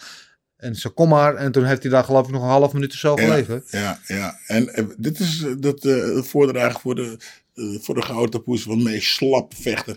Ja. Slappe, slappe zak. Ja, Eh, was ik helemaal met jou eens toen ik dat voor het eerst zag. Behalve, eh, achteraf hoor je dan... Oh, oh. Ja, en dat is misschien een beetje verzachterde omstandigheden. Ben jij het uiteraard niet mee eens. Maar Marcel, eh, jij weet er uiteraard meer van. Eh, dat hij achteraf heeft gezegd dat hij in die positie zijn knie, zijn kruisband heeft gescheurd, die van zijn knie eruit schoot, dat hij niet meer kon opstaan. Je zag ook een foto dat hij door zijn broer Gilbert de kooi uit werd gedragen, omdat hij niet meer kon lopen. Maakt dat nog enigszins... Wanneer? Op het, het laatste moment? Of Ja. in die eerste ronde al? Eh, dat weet ik niet precies wanneer dat is eh, gebeurd. Marcel, weet jij daar meer van? Ik weet ook niet precies wanneer. Ik weet alleen dat hij wel een blessure had aan zijn knie. Heeft en dat hij daarom niet meer kon staan of zo. Want Gilbert heeft hem op de kooi uitgedragen, volgens mij. Ehm, ja, het, zag er gewoon, het zag er, kijk, het zag er, als je dat niet weet, eh, naar achtergrond, zag, zag het er gewoon raar uit, inderdaad. Hij was de eerste ronde, had hij, hij had hem bijna Aljo, weet je. En eh, volgens mij was hij echt helemaal verzuurd, dan was hij doodmoe ook. En eh, in, de, in de combinatie dan met die blessure. ehm, je had ook het gevoel na die eerste ronde, toen hij op die, op die kruk zat, dat hij eigenlijk niet meer aan de tweede ronde wilde beginnen. Dat Gilbert hem echt heeft overgehaald van eh, Gilbert Burns, dan niet Gilbert Ja. Ivel. En Ja, Gilbert Burns over- hoor. Profiek slaan. dat hij echt had overgehaald van kom man, eh, je gaat wel gewoon op, op een waardige manier eruit, weet je, als je eruit gaat. Dus, eh, maar ja, ja, of het waardig was, weet ik niet. Maar ja, ik ben wel benieuwd wat het uitwijst, wat uiteindelijk wat aan zijn knie was. Want eh, ik, denk, ik denk dat dat wel belangrijk voor hem is, dat hij, luister, ik hoop niet dat hij iets ernstigs heeft, maar aan de andere kant heb ik zoiets van, ik hoop het eigenlijk wel voor hem. Want als hij eruit is gegaan, omdat hij moe was, dan gaat hij geen nieuw contract krijgen. Want Nee. volgens mij was het zijn laatste van zijn vier-fight deal. Dus eh, ja. Spannend. Ik, ik denk dat het een, een baddetje Rico 2 was. Van ik ben moe, kan het niet meer afmaken, laat me zitten, ik ben geblesseerd. Dat denk ik. Oké, nou we wachten de, de MRI-scan af en dan eh, horen we het wel wat daar aan de hand was. In ieder geval een opmerkelijk moment was het. Eh, Maar dan staat, hij, hè, dan staat hij wel op één, toch? Voor de tompoes. Ja, ja, dan is het frontrunner. Frontrunner. 100%. Eh, de slappe gouden tompoes. Ehm, bonussen waren er ook. Al uitgelopen pudding. Eh, Uiteraard, Fight the Night, daar hadden we het al over. Snel Soumardei, daar is geen enkele discussie over. En eh, Performance of the Night bonussen waren er voor alle finishers. Dus eh Dusty Jacoby, Bill Elgio, Ricky Simone, eh Punahele Soriano, Amanda Lemos en Li Ling Diang. Cijfers hebben we gehad. Eh, nou, goede kaart was het al met al. Eh, laten we het hebben over de matchmaking. Met andere woorden, wij gaan in onze glazen bol kijken en bepalen wat wat ons betreft in ieder geval in het verschiet moet liggen voor de winnaars. En ook sommige verliezers van afgelopen weekend. Eh, ja, te beginnen met een beetje een lastige met de, de winnaar van het main event. Jair Rodriguez, die van tevoren natuurlijk beloofd was dat hij als hij zou winnen een title zou krijgen. Eh, hij heeft gewonnen, dus wat dat betreft heeft hij aan de verplichtingen voldaan. Maar ja, de manier waarop is natuurlijk heel onbevredigend. Hetzelfde als inderdaad wat jij zei Marcel met Jan Blachowicz laatst tegen, tegen Rakic. Eh, en dan ook nog met de situatie dat de kampioen Volkanovski natuurlijk zijn hand of zijn duim heeft gebroken. En eh, in ieder geval tot oktober niet kan trainen. Dus de kans dat hij dit jaar nog in, aan, of in, in actie komt is niet zo heel groot. Dus ik heb het volgende scenario bedacht. En eh, ik ben, ik ben benieuwd wat jullie mening. Eh, we hebben natuurlijk die andere frontrunner uh, als titelkandidaat die aan een goede reeks bezig is in deze divisie. Josh Emmett, die natuurlijk laatst het main event won van, eh, van, nou, van oh, hè, onze grote vriend. Nou, help me. Keder. Dankjewel, Kelvin Keter. Soms net de gatenkaars erbovenin. Ehm waarom laten we niet eh, einde van het jaar ergens eh, november of zo, weet ik veel, Rodriguez tegen Emmett vechten om de interim belt? Eh, want Volkanovski heeft ondertussen natuurlijk ook gezegd dat hij misschien wel een divisie hoger gaat. En dat hij wel wil vechten tegen de winnaar van wat zaterdag bekend is geworden, Makachev tegen Oliveira, wat 22 oktober in Abu Dhabi gaat plaatsvinden. Dus Volkanovski ergens begin volgend jaar dan tegen de winnaar daarvan om de lightweight belt. Emmet tegen Rodriguez om de interim belt. En dan ergens voorjaar eh 23 krijgen we Volkanovski tegen de winnaar van Emmet en Rodriguez om de unified belt. Tadaa! Ik ga dit gewoon letterlijk woord voor woord door naar uh, Omedena sturen. Ah. Ja, ik vind het een heel goed idee. Ja, toch? Ja. Nou, hebben we het opgelost. Marcel, Oké. heb je toch wat aan toe te voegen? Nee joh, ik eh, denk precies hetzelfde over. Dus. Nou, nou, lekker zeg. Eh, dan kunnen we daar kort over zijn. Ja, Ortega is natuurlijk een ander verhaal. Eh, wat wil met hem? Hij komt sowieso niet voor een title shot in beeld.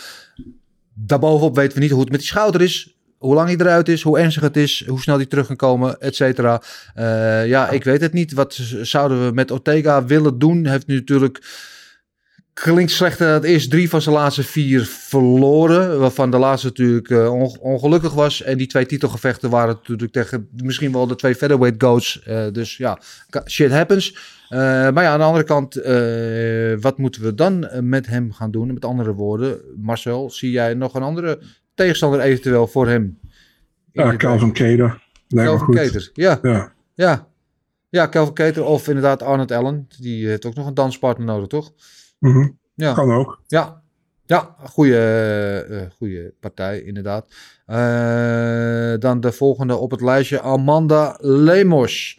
Eh, ja, die eh, goed teruggekomen, zoals gezegd, na die eh, eh, teleurstelling tegen Jessica Andrade. Zag er goed uit, eh, dominant, eh, goed gevochten, et cetera. En eh, wat zouden we met haar willen in die, eh, in die 115 eh, divisie, die strawweight divisie?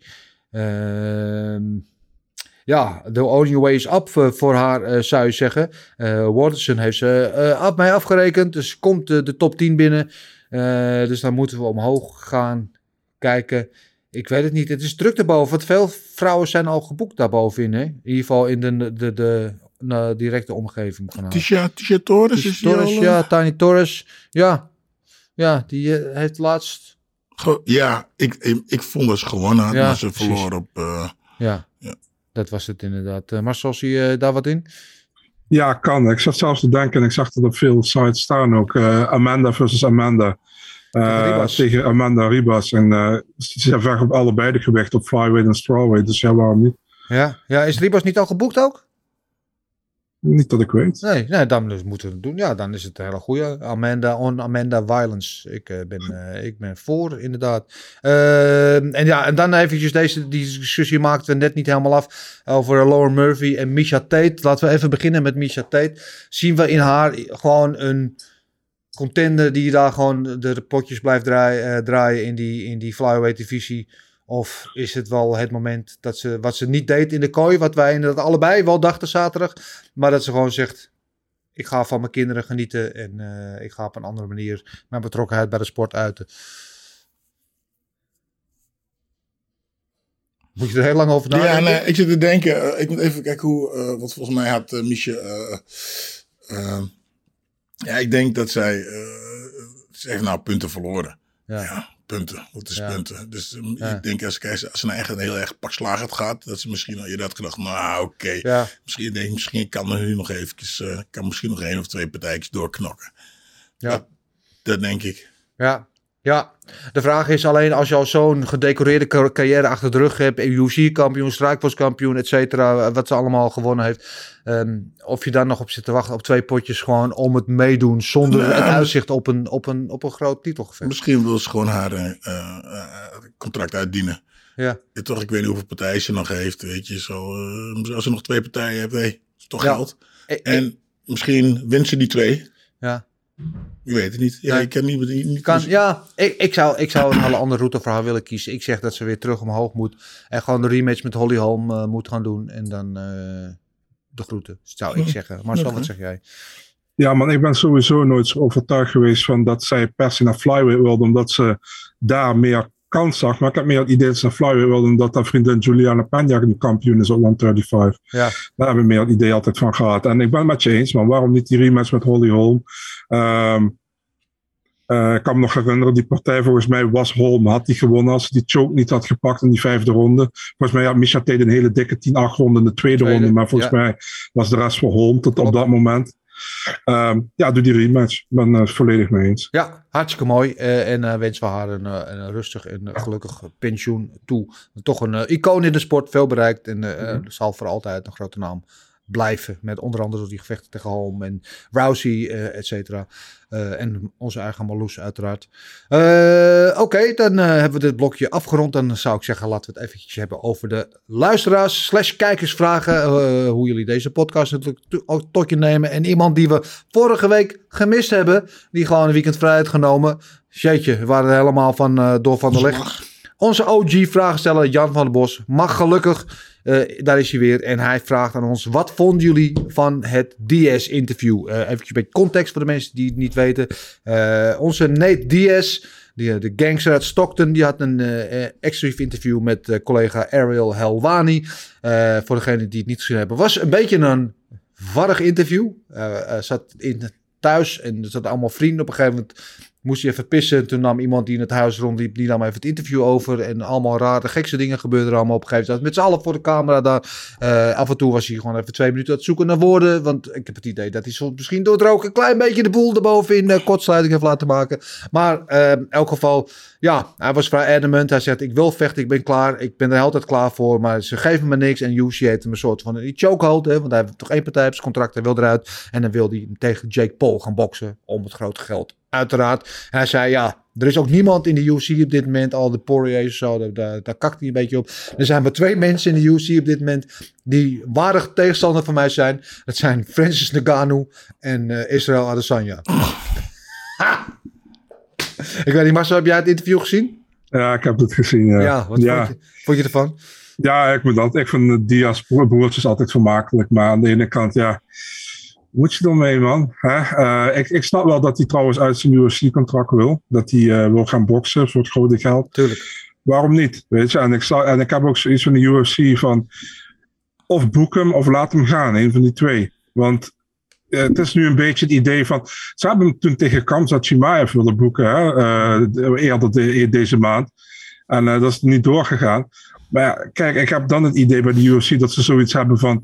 eh, we, we proberen Kamzat nog een mooie naam op zijn lijst te krijgen. eh, ten koste van Diaz. En dus is Diaz niet op te wachten. Dus. ehm, joh, geef hem die partij wat, wat hij wil. En dan niet tegen Gano of tegen Adesanya. Maar geef hem een fatsoenlijke partij. En laat hem gaan. Eh, Wat, wat, wat, heb je hier aan? Nu zitten ze al hoe lang? Al een half jaar zitten ze al met elkaar te. Ja, te- te- ja. wat heb je eraan? Ja. Ja, ik zou het wel willen zien hoor, de Gano tegen... Ik denk dat, eh, dat de DS hem gewoon in, in een triangle check eh, pakt. Gewoon zijn kloten trapt en, eh, en naar de grond trekt. Maar ja, ja ik, ben, ik ben het met jou eens. Hij zei ook, de Kamstad wilde eerst niet. Want hij wil niet wat UC dan hem eh, andere gasten naam wil laten maken over hem heen. Eh, dat begrijp ik heel goed. Want hij is natuurlijk gewoon een grote draw. Winnen of verliezen maakt bij hem eigenlijk niet uit. Hij is groter dan de belt of dan de ranking. Eh, en, maar achteraf zei hij, ja, ik wil gewoon van het contract. Dus zet me dan in hemelsmaat tegen, tegen. Eh, dan ben ik er vanaf en dan kan ik mijn, mijn ding doen. En hij is natuurlijk al sinds wat 2003 of zo lang zit hij al in de UFC. Enorm lang nooit weg geweest. Ja, op een gegeven moment is het ook misschien een beetje op. Dus UFC wil hem natuurlijk graag zijn contract laten verlengen. Maar hij wil graag weer baas worden over zijn eigen shit. Hij wil uit de UFC. eh, die, die bokspartij draaien. En misschien dan wel weer bij de UFC tekenen. Maar dat in ieder geval baas is over zijn eigen beslissingen. En eh, nou, daar begrijp ik wel wat van. Ik moest wel lachen. Hij vertelde dat hij in het interview of eh, in dat gesprek staat met de UFC. Dus in, in Las Vegas met de Brass. En dat hij dus inderdaad zei dat hij wilde tegen Nagano en Adesanya. Dat iedereen gewoon wegliep. Want die, die gozer is gek. En toen dacht hij, nou, dan moet ik maar eventjes buiten tegen het gebouw gaan staan pissen. Dat is waarschijnlijk zijn vergelding. Blijft een eh merkwaardig figuur, maar eh, ja, ik, ik mag hem heel graag. Dus ik hoop dat hij krijgt wat hij wil. Eh, David Meijers vraagt zich af, hoe ver stond jullie mond open bij de comeback van Snel? Wat een strijder. Ja, zijn we het allemaal over eens, toch? Ja, Ja, ja, we ja, verder niks aan toe te voegen. Ja, allemaal... ja. Ik heb wel mooi over even toevoegen. waar- Ik sta zaterdag de uitzending natuurlijk van Eurosport eh, in de studio. En eh, eh, presentator Neil Petersen, die eh, de zaterdag eh, stond, die zag ik op camera. Die zat naar die wedstrijd te kijken. En die stond letterlijk zo. Met zijn mond open en zijn hand voor zijn mond. Van waar ben ik nou aan het kijken? Van Ja. ongelooflijk. En ik kon het fragment helaas niet terughalen. Vond ik een mooi moment. En dat zei alles over hoe deze wedstrijd was. Dus ja, zijn mond stond heel ver open, eh, David. Eh Sofian 8467. Wat wordt de volgende tegenstander van Colby Covington? Ja, wie dat weet, Ja. die eh, het kan een hoop geld verdienen. Marcel, wat eh, denk jij wat de volgende tegenstander wordt voor Colby? Ja, ik denk dat de UFC gaat pushen voor die Kamsat-partij, denk ik. Ehm, of het gaat gebeuren, weet ik niet. Dat ligt bij Colby. Colby kan gewoon nee zeggen. Ja, Dus eh, ja, ik, weet, ik, zou het niet weten. En ik zou wel graag willen zien Colby tegen Kamsat. Ik denk dat het een leuke partij is. Eh, voor zowel voor beide, denk ik. Ik denk dat het voor Kamsat heel goed is. En dan wil ik wel als een, kijk, eh, wil ik wel als een ding zien, als een main event. Ik had gehoord dat de UFC, eh, Nolan King had het volgens mij naar buiten gebracht, dat de UFC is aan het kijken of ze naar Stockholm kunnen komen in november. Ja, kijk, als je daar Chimaev tegen Covington main event neerzet, dat lijkt mij een perfecte partij. Dus, ja. Lijkt mij ook. En als Covington dat niet wil, dan doen we gewoon een rematch tegen Masvidal in een restaurant. Gewoon stoel en tafels aan de kant. En dan eh, gewoon elkaar bitch slappen en eh, door de keuken rennen. En dan gewoon een heel spektakel ervan maken. Dus een van de twee, kies maar Kobe, wat jij wil. Goed. Eh Pimski94 eh, eh, komt tot ons en eh, zegt Jair versus M voor de interim title. Of eh Jair versus Ortega zodra Ortega is hersteld. Nou, hebben we het eigenlijk al over gehad. Letterlijk zo gezegd. Ja, ja, ja goede, goede shit. Ehm Dandy BJ. Ook een eh, vaste eh, eh, trouwe gast in deze rubriek. Als jullie van elke gym buiten Nederland er één moeten kiezen waar je kon trainen en voor vechten, welke zou dat zijn? Eh, wat voor MMA of voor kickboksen? MMA.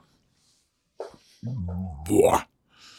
Ja, dan zou ik naar Hen- Henry, Henry Hoofd, Harry Hoofd, Henry Hoofd. Harry gaat Ja. zo, ja. Nou, de- Harry, tegenwoordig eh, Killcliff FC, zoals het nu Oh, ja, ja, ja. Oh, oké. Nou, dan zou ik daarheen gaan. Ja. Ja. Hm. ja, ik neig ook daarna. Dat zou ook mijn eerste ingeving zijn. Dat ik Hardy gewoon een fantastische vent vind. En het, eh, het level van talent wat ze daar in de gym hebben. Maar ik ben ook altijd wel getriggerd. En eh, voor vechten werd ik niet maar door Tiger Muay Thai. Heel veel gasten, weet je, neem inderdaad een, een, een Kamsat en eh, wie hadden we laatst? Er zijn zoveel gasten die daar trainen en dat wel op zoveel UFC-talent ook tenminste. Shevchenko is daar natuurlijk eh, een kind aan huis en eh Wei Lee heeft daar de laatste voorbereiding. Dan weet je wel waar ik heen ga. Is dat nou? Nou, wie had dat verteld? Dat wist ik helemaal niet.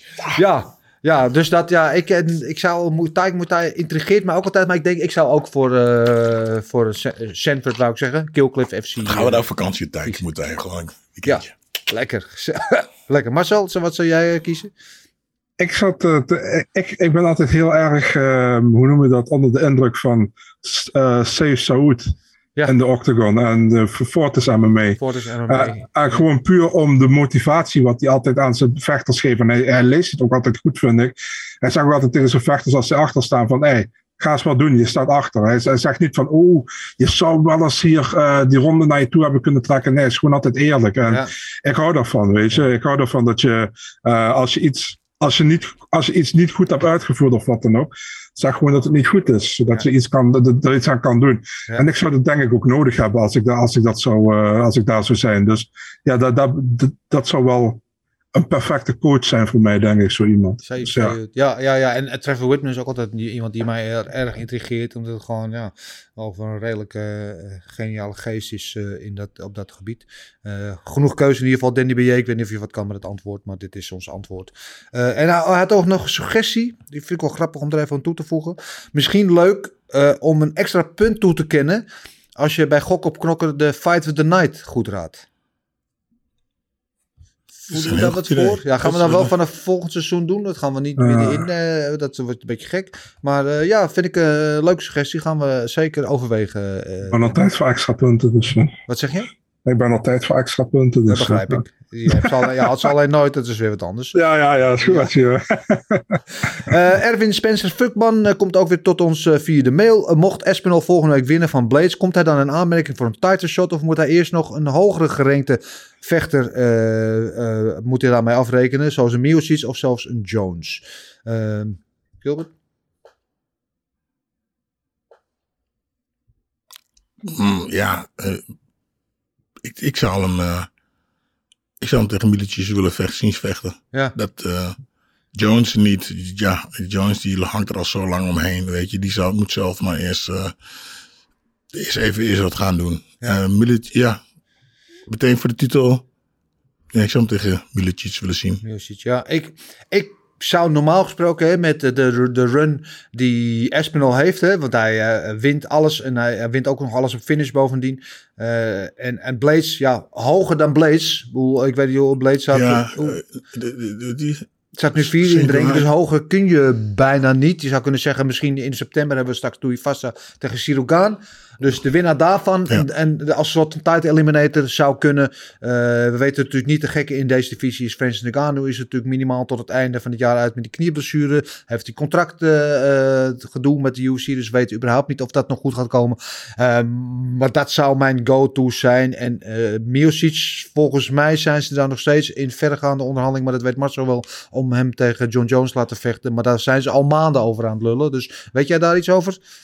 Ja, ze hebben zelfs een pay-per-view eraf gegooid. Want eigenlijk zou Abu Dhabi zo 281 zijn. En uh, 280 is dat nu geworden. Eigenlijk wilden ze Jones tegen uh, Miocic volgens mij volgende, over twee maanden neerzetten. Maar dat is niet gelukt. Ja, ik, ik, heb geen idee wat ze gaan doen, man. Maar ik denk voor Aspinall, als hij wint, wordt het moeilijk, man, om, om direct voor een titel te vechten. En inderdaad, omdat je een Ganu hebt die nog altijd gebaseerd is en die nog altijd is een onderhandelen met de UFC. De UFC wat Jones eigenlijk tegen Ngannou wilt hebben. En als dat niet gebeurt, wil ze sowieso Jones tegen Miocic hebben. Of wat dan ook. Dus je hebt nog mensen boven je zitten. Maar kijk, als hij uh, imponerend wint van Blades, ja, dan zit hij zeker in die top, weet je. Maar het is moeilijk om iets te voorspellen die heavyweight divisie nu, omdat alles uh, eigenlijk potdicht zit. En dat is nog allemaal zijn het onderhandelen. Ja, ja, uh, zo is dat inderdaad. Dus uh, ja, de winnaar van uh, Gaan Tuivasa, dat, wordt het, dat moet het dan worden. Ja. Dat lijkt me het meest logische. En Gaan tegen Espinol lijkt me ook echt een hele vette wedstrijd trouwens. maar goed, we eerst maar kijken hoe er wat er zaterdag gebeurt. En dan tot slot Remco Kleuters met de omloop, niet die kleine mensjes. ook vaste deelnemer tegenwoordig in de gok op knokken business. Uh, die heeft het over, uh, hij las onlangs over de decision era. Met name door de professionalisering zouden er meer decisions zijn in MMA-partijen. Hebben jullie dat idee ook dat er meer decisions komen? Gilbert, kom er maar in. Dit is recht in jouw straatje. dat is, uh, ja... Dat is wat Iggy doet. Hè? Die jongens die zijn allemaal natuurlijk op het topniveau en die willen een partij winnen. Ja. En, en niet meer en op welke manier dan ook. Dus niet, uh, het hoeft niet uh, met. Uh, dat wil zeggen, zullen partij winnen zo makkelijk mogelijk. Dus als die partij kunnen winnen op punten, dan doen we, doen we dat. Punt. Ja. je, het zijn, er zijn, geen- sorry, het zijn geen echte Ja. kerels meer die iemand gewoon... eh, In mijn tijd, jij bent mijn tegenstander, je moet neer. Je moet slapen of afkloppen of je moet in ieder geval eruit. Punt. Dan heb ik gewonnen. En dat is nu dus niet, nu niet meer zo. Je, als je gewoon op punten eh, wint, dan eh, ben je ook een held tegenwoordig. Ja. Maar is het ook niet zo, ja, ik, ik ben het met je, het delen met je eens, hebben het hier natuurlijk eh, vaker over gehad, maar is het ook niet een, gewoon een gevolg van A, vechten zijn in het algemeen beter, technischer en, en meer allround, en B, van betere matchmaking, want finishes krijg je vaak omdat iemand ergens veel beter is, een striker tegen een, grappler, en als iemand op de grond krijgt, de striker weet niet wat hij bedoelt, dat dat verschil in niveau groter is, en gewoon betere matchmaking, waardoor je eh, evenwaardigere partijen krijgt, waardoor je het grotere risico hebt op een decision. Eh, bijvoorbeeld, eh, hoe is onze, onze Braziliaanse held? eh, Oliveira? Oliveira, die stopt al zijn partijen. Ja. Eh, hoe heet die? Ale- Alexander Volkanovski probeert in ieder geval alle partijen ook te stoppen. Die gaat Ja. ervoor. Eh, wie is nog meer allemaal zo dominant? Eh, dat zijn gewoon de, de, de killers die Ja. nog echt mensen willen slopen. En de rest die... die maar ze zeggen het ook. Ik zeg het ook. Waarom zou ik het moeilijk doen? Weet je? Ik wil, Ja. En ik zat er toevallig laatst ook aan te denken. Letterlijk aan te denken. eh, eh, waar, waar, waar gaat dit heen? Want die, later gaan ze natuurlijk wel zeggen. Die jongens zijn een stuk slimmer allemaal. Ja. Weet je, wij gingen er vroeger in. Weet je, Ja. blessure hier, blessure daar. Sommigen hebben een eh, hersendingetje. En over nog tien jaar zijn die gasten zo professioneel en zo goed dat ze, ja, dat het zo'n art wordt om te vechten zonder Ja. zelf eh, eh, schade toe te brengen en Ja. alleen maar te winnen. Ja. Het, lek, het mooie is, is eruit. Eh, maar eh, ik denk dat het eh, komt doordat, eh, ja, Maar wordt het ook niet in het, het is ook een beetje een stokpaardje voor mij, maar in stand gehouden door het hele systeem van show and win money. Dat als je verliest, krijg je maar de helft van je geld. Dus dan ga je ook minder risico's nemen, misschien eh, om een finish te, te maken. Want dan ga je veilig spelen. Want ja, als ik verlies omdat ik per ongeluk tegen een poffer oploop, dan, eh, dan krijg ik maar de helft van mijn salaris uitbetaald. Dus ik ga het wel wat veiliger spelen. Om de volle, dus moeten we gewoon niet af van die hele show and win. Iedereen gewoon een hogere, gewoon, gewoon volledig gewoon eh, show money. En dan als je een finish krijgt, krijg je daar een bonus bovenop. ja, ik denk dat je gewoon, nou, mijn idee, je krijgt alleen geld als je gewonnen hebt. Je krijgt een klein beetje geld, klein beetje, zodat je al je kosten kan dekken. Ja. Maar als je wint, krijg je, krijgt de, winnaar krijgt alles. Ja. Maar dan, maar echt winnen, niet op eh, punten, gewoon finish. Misschien moet je dat doen, weet je. Je stopt pas als de partij afgelopen is, dat niemand eh, submission of knockout is. Ja. Zonder, eh, zonder, maar dan gaan we weer terug naar de, de old days, zonder tijdslimiet. en Dat gewoon- ja, zou ik net zeggen. Ja. Dus gewoon eh, de partij, eh, dus gewoon een kwartier vechten. En eh, de titel is gewoon 25 minuten vechten. In één stuk door. Ja. Dat is een goed idee. Dan kun je ook niet zeuren over rondes en zo. Ja, ja eh, eh, een van de stokpaardjes van John Kavanagh, hè, natuurlijk grote, de grote mind uit Ierland, de, de trainer van, van Conor McGregor onder andere, die loopt al jaren te roepen dat hij wil inderdaad af van rondes. Dus hij wil gewoon vechten tot een af van tijdsduur, maar ook af van rondes. Dus niet dat je tussen een ronde tijd hebt om weer te herstellen. Dat Nee, als iemand precies. jou domineert, dat je niet de tijd krijgt om weer in de tweede ronde dat dat gewoon door blijft gaan. Eh, eh, en die wil dus ook van, van de kooi af. Dus dat je niet tegen de kooi, maar dat je, weet je, dat je veel mensen gebruiken de kooi om bijvoorbeeld tegenop te staan. Of weet je, Mhm. of, eh, iemand juist vast te zetten.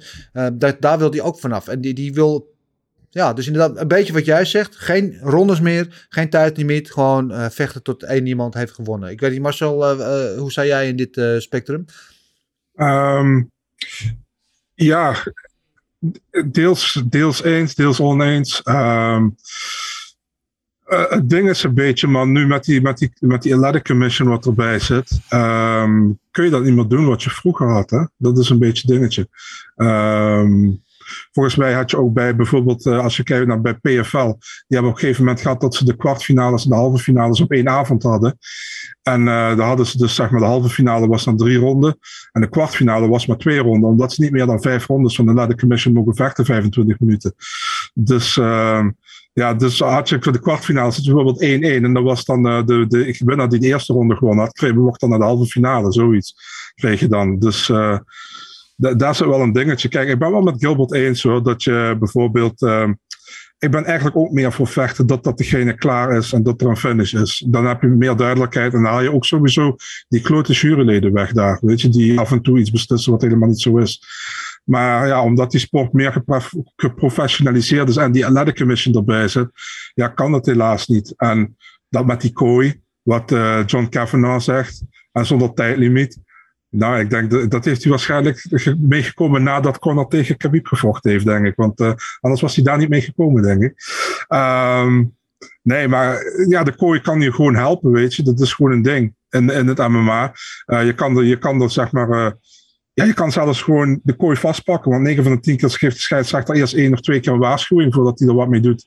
Ja, dus eh, ja, ik begrijp wel wat hij daarmee bedoelt. Maar wat wil hij dan? Wil hij dan gewoon een open mat of zo ja, hebben? meer, of, eh? meer dat, ja, meer dat we gewoon naar, een- naar een soort mat toe gaan. inderdaad. Eh, Ik denk alleen dat het eh, gevaarlijk wordt joh, als, als je dat doet met het publiek erbij. Ja. En er gebeurt wat, dat het publiek zich gewoon daarmee in gaat mengen. Want eh, probeer die mensen maar eh Leuk, daar vanaf te houden.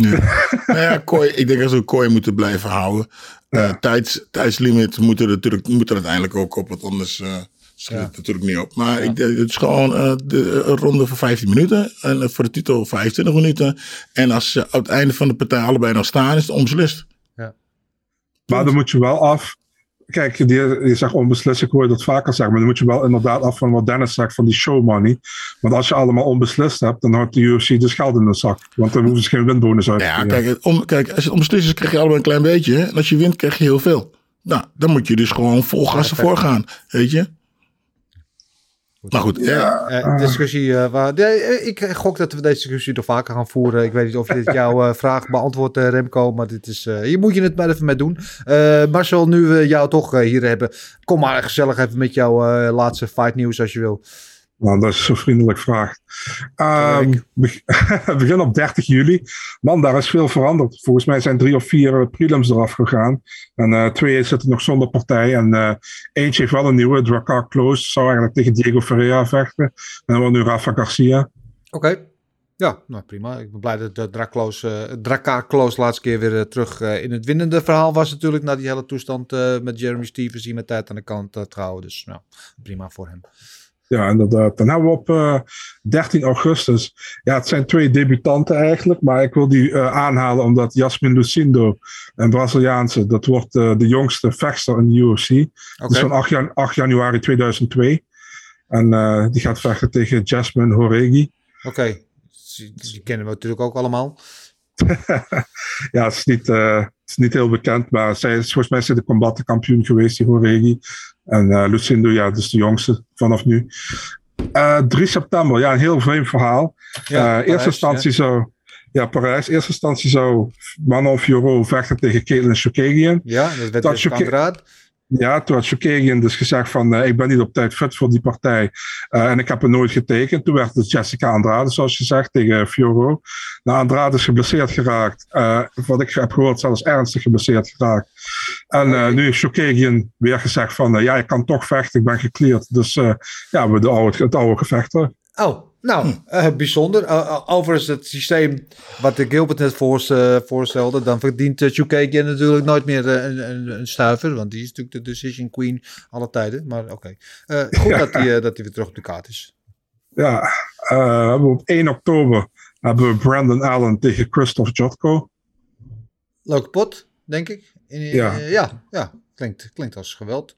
Goed. Ja, en uh, ja, de laatste partij, 22 oktober, hebben we het al heel kort over gehad. Uh, titelgevecht tussen Charles Oliveira en uh, Islam Makhachev. Ja, ja ik, ik zag ergens een, een quote voorbij komen. Ik weet niet meer van wie. Sorry, anders had ik de credit gegeven. dat uh, Khabib had tegen uh, Makachev gezegd: je moet naar Brazilië gaan en daar de titel winnen van Oliveira om een statement te maken. Maar nu doet Oliveira eigenlijk het omgekeerde. Het is weliswaar geen Rusland, maar Abu Dhabi is natuurlijk wel op de hand van Makachev.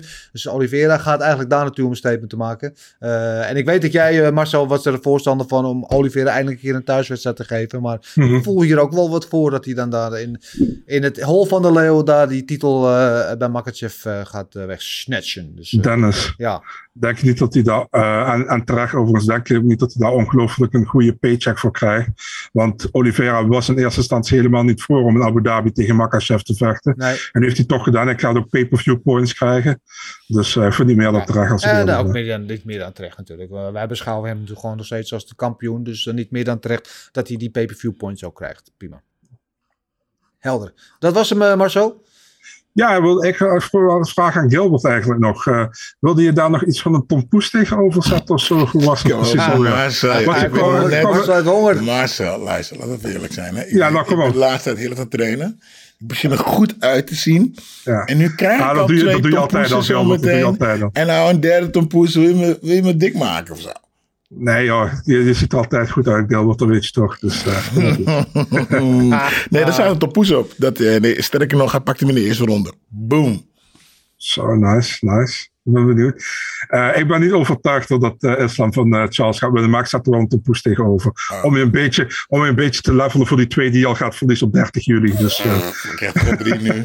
Maar weet je wie de grote winnaar van dit verhaal is? Nou, Dat ben ik, want ik ga sowieso al die tompoes opeten. ik dacht de bakker. ja, wat? we krijgen er drie. Jij twee, ik eentje. Komt goed, komt goed. Ehm, lekker, ik, heb nu al, ik heb nu al, al trek. Eh, Oké, Marcel, dank je wel voor je altijd op, het, op, het, op de hoogte, op het hoogte. Op de hoogte blijven van het laatste vechtnieuws. Volg dan eh, Marcel Dorf op eh, Instagram en Twitter. BigMarcel24. Dan hoef je nooit wat te missen. En dan weet je het altijd eerder en uitgebreider dan wij het hier nu behandelen. Absoluut de moeite waard. Eh, laten we het eh, gaan hebben over het laatste, maar niet het minste onderdeel van deze podcast. Gokken op knokken. Gokken op knokken. Gokken op knokken. Gokken op knokken. Daar zijn we weer. Eh, er waren niet zo heel veel punten te verdelen afgelopen week. Dat had natuurlijk alles te maken met de main event die uitviel eh, tussen Ortega en Rodriguez. Dus daar werd door niemand eh, punten gescoord. Dus daar overal een nul. Althans, dat is omdat we hadden al- allemaal Ortega voorspeld. Allemaal op submission in verschillende rondes. Maar allemaal nul op het request. Dus daar werd niks gescoord. We hadden wel allemaal Lemos eh, gescoord als winnares. Alleen niemand had eh, gedacht dat het op submission zou gebeuren. Wij dachten op KO, Marcel op decision. Dus daar allemaal één puntje voor de goede winnaar. Eh Salikov tegen Lee dachten jij, eh, Gilbert en Marcel allebei dat Salikov ging winnen. Ik, ik had Lee, maar weliswaar decision niet op KO. Dus daar één puntje voor mij. En in de eerste partij die we voorspelden was die tussen Murphy en Tate. Dachten jullie allebei terecht dat Murphy daar een decision uit het vuur ging slepen. Zoals hij inderdaad ook deed. En ik had dus enige Tate. Dus daar drie punten voor jullie. En eh, nul voor mijzelf. Eh, dat komt erop neer dat jij, Gilbert, en jij, Marcel, allebei vier punten hebben gescoord deze ronde. En ik twee puntjes heb gesprokkeld. En dat betekent voor de stand dat eh, Marcel nog steeds stevig in de top 3 zit met 96 punten. Gilbert inmiddels 107 punten. Eh genade tot op twee puntjes van de nog steeds de lijstaanvoerder en eh, trotse troonbezitter van dit gok op knokken spel. Moi met 109 punten. Maar wat wordt het spannend? Woe. Ja, ik doe niet eens mijn best. ik, heb- ik, vind, ja, ik, vind het, ik weet, is dit voor jou? Oh, Dus ik jou wat puntjes Dan op- gaat hij de ja. nonchalant kaart trekken. Ah, dat vind ik wel heel schattig. Ja, Dat vind ik wel heel schattig. Eh, even kijken, we gaan wat onze vaste volgers hebben voorspeld. Die hebben nog twee rondes eh, van ons te goed. Even kijken wat daar bij de vorige ronde. Die hadden we nog niet eh, gescoord voor jullie. Opviel. Eh, daarbij viel mij op met name. dat heel veel mensen daar dachten dat Nurmagomedov met submission ging winnen. Dat werd daar natuurlijk een decision. De meeste mensen hadden ook wel Borayo. Eh, op decision ook, een aantal submission eh, voorspellingen daar. En eh, ook verderweg de meeste mensen hadden eh eh, voorspeld als winnaar. Eh, aantal op KO's, eh, maar niemand in de goede ronde. Eh, Jan van der Bos en eh, Martijn van Vliet hadden met een derde ronde daar nog het dichtst bij. Maar ik zag veel eerste en tweede ronde KO's. En het werd natuurlijk een vijfde ronde KO. Eh, en de winnaar van die week werd dan, even kijken, er waren een aantal mensen, eh waar onder andere, en dat, hier wordt het wel grappig, Jan van der Bos en Remco Zwart, dat zijn eh, eh, de nummer 2 en 1 van de ranking, die hadden allebei zeven punten, dus die houden elkaar daarin evenwicht. En even kijken, er was er nog één iemand met zeven punten. Martijn van Vliet, die het ook heel goed doet. Die hadden daar ook zeven punten. En dan even kijken wat deze week heeft opgeleverd. Er waren twee mensen. David Bakker en eh Saha Gunner. Die hadden Lee op KO in de tweede ronde voorspeld. Als enige van iedereen, eh, inclusief onszelf. Dus die scoren daar eh, zes punten. Verder, eh, even kijken, dacht iedereen eh, dat Lemos eh, ging winnen op twee mensen na. En iedereen ook op twee mensen. En dan kom ik weer bij eh, Saha Gunner en bij Fight Night. Die hadden voorspeld dat Rodriguez ging winnen. Dus die hebben daar als enige van iedereen eh, punten gescoord. Eh, weliswaar eh, dachten ze allebei op decision. Dus eh, geen eh, KO of TKO punten daar. Maar dat toch allemaal een puntje weggehaald. En dat, even kijken, levert op eh, in de totaalscore dat er is één iemand die heeft de allermeeste punten van allemaal gescoord. En is de ronde van de winnaar van deze ronde. En dat is David Bakker, die 10 punten heeft gescoord. En daarmee nu op 97 punten eh, komt. Dus die doet het ook eh, voortreffelijk. Martijn van Vliet, zoals ik net zei, doet het heel goed. Die staat op 104 punten. Joris Speelman komt op eh, 90 punten. Anthony van der Ven eh, blijft eh, goed eh, punten sprokkelen. Die staat op 98 punten, bijna op de 100. En de twee lijstaanvoerders eh, zijn nog steeds onveranderd.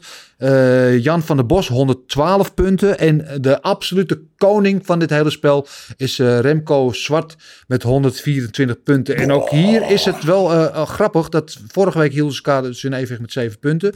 En Remco Zwart haalde deze week maar één puntje. Dat is zeer eh, tegen natuurlijk voor hem, want die scoort altijd goed. Haalde maar één puntje. Dus het was de kans geweest voor Jan van der Bos Maar- om dichterbij te komen. Maar ook Jan van der Bos haalde maar één puntje. Dus ja, dus, eh, nou, het verschil blijft daar hetzelfde. Ehm, maar eh, ja, goed is het wel van hun allebei. Eh, ze hebben allebei meer punten dan wij allemaal. Dus hou dat vol jongens en blijf dat ook insturen. We waarderen het zeer en vinden het leuk om te zien hoe jullie het doen ten opzichte van ons. En dat doen jullie behoorlijk goed. Goed, komend weekend. UFC Londen voor de tweede keer dit jaar. Ik ben erbij. Ik zit morgenochtend, dinsdag dus, al in een trein onder het kanaal door. En ik heb er echt heel veel zin in, want de vorige keer was episch. En eh, deze keer lijkt het nog epischer te worden, want eh, betere en grotere namen op de kaart, eh, betere partijen en alles lijkt erop dat het gewoon weer een geweldige avond gaat worden. Wij gaan natuurlijk de mainkaart voorspellen. Zullen we, omdat het zo'n epische kaart draagt, zullen we het de pay-per-view eh, behandeling geven en alle mainkaartpartijen meenemen? Of doen we gewoon traditioneel alleen de bovenste drie? Ik eh, leg, gooi het even in de groep. Ja, Marcel die is, er helemaal voor. En natuurlijk heeft zoveel weinig, zo weinig punten. Dus die denkt van ja. Ik vind het goed hoor. Ik, eh,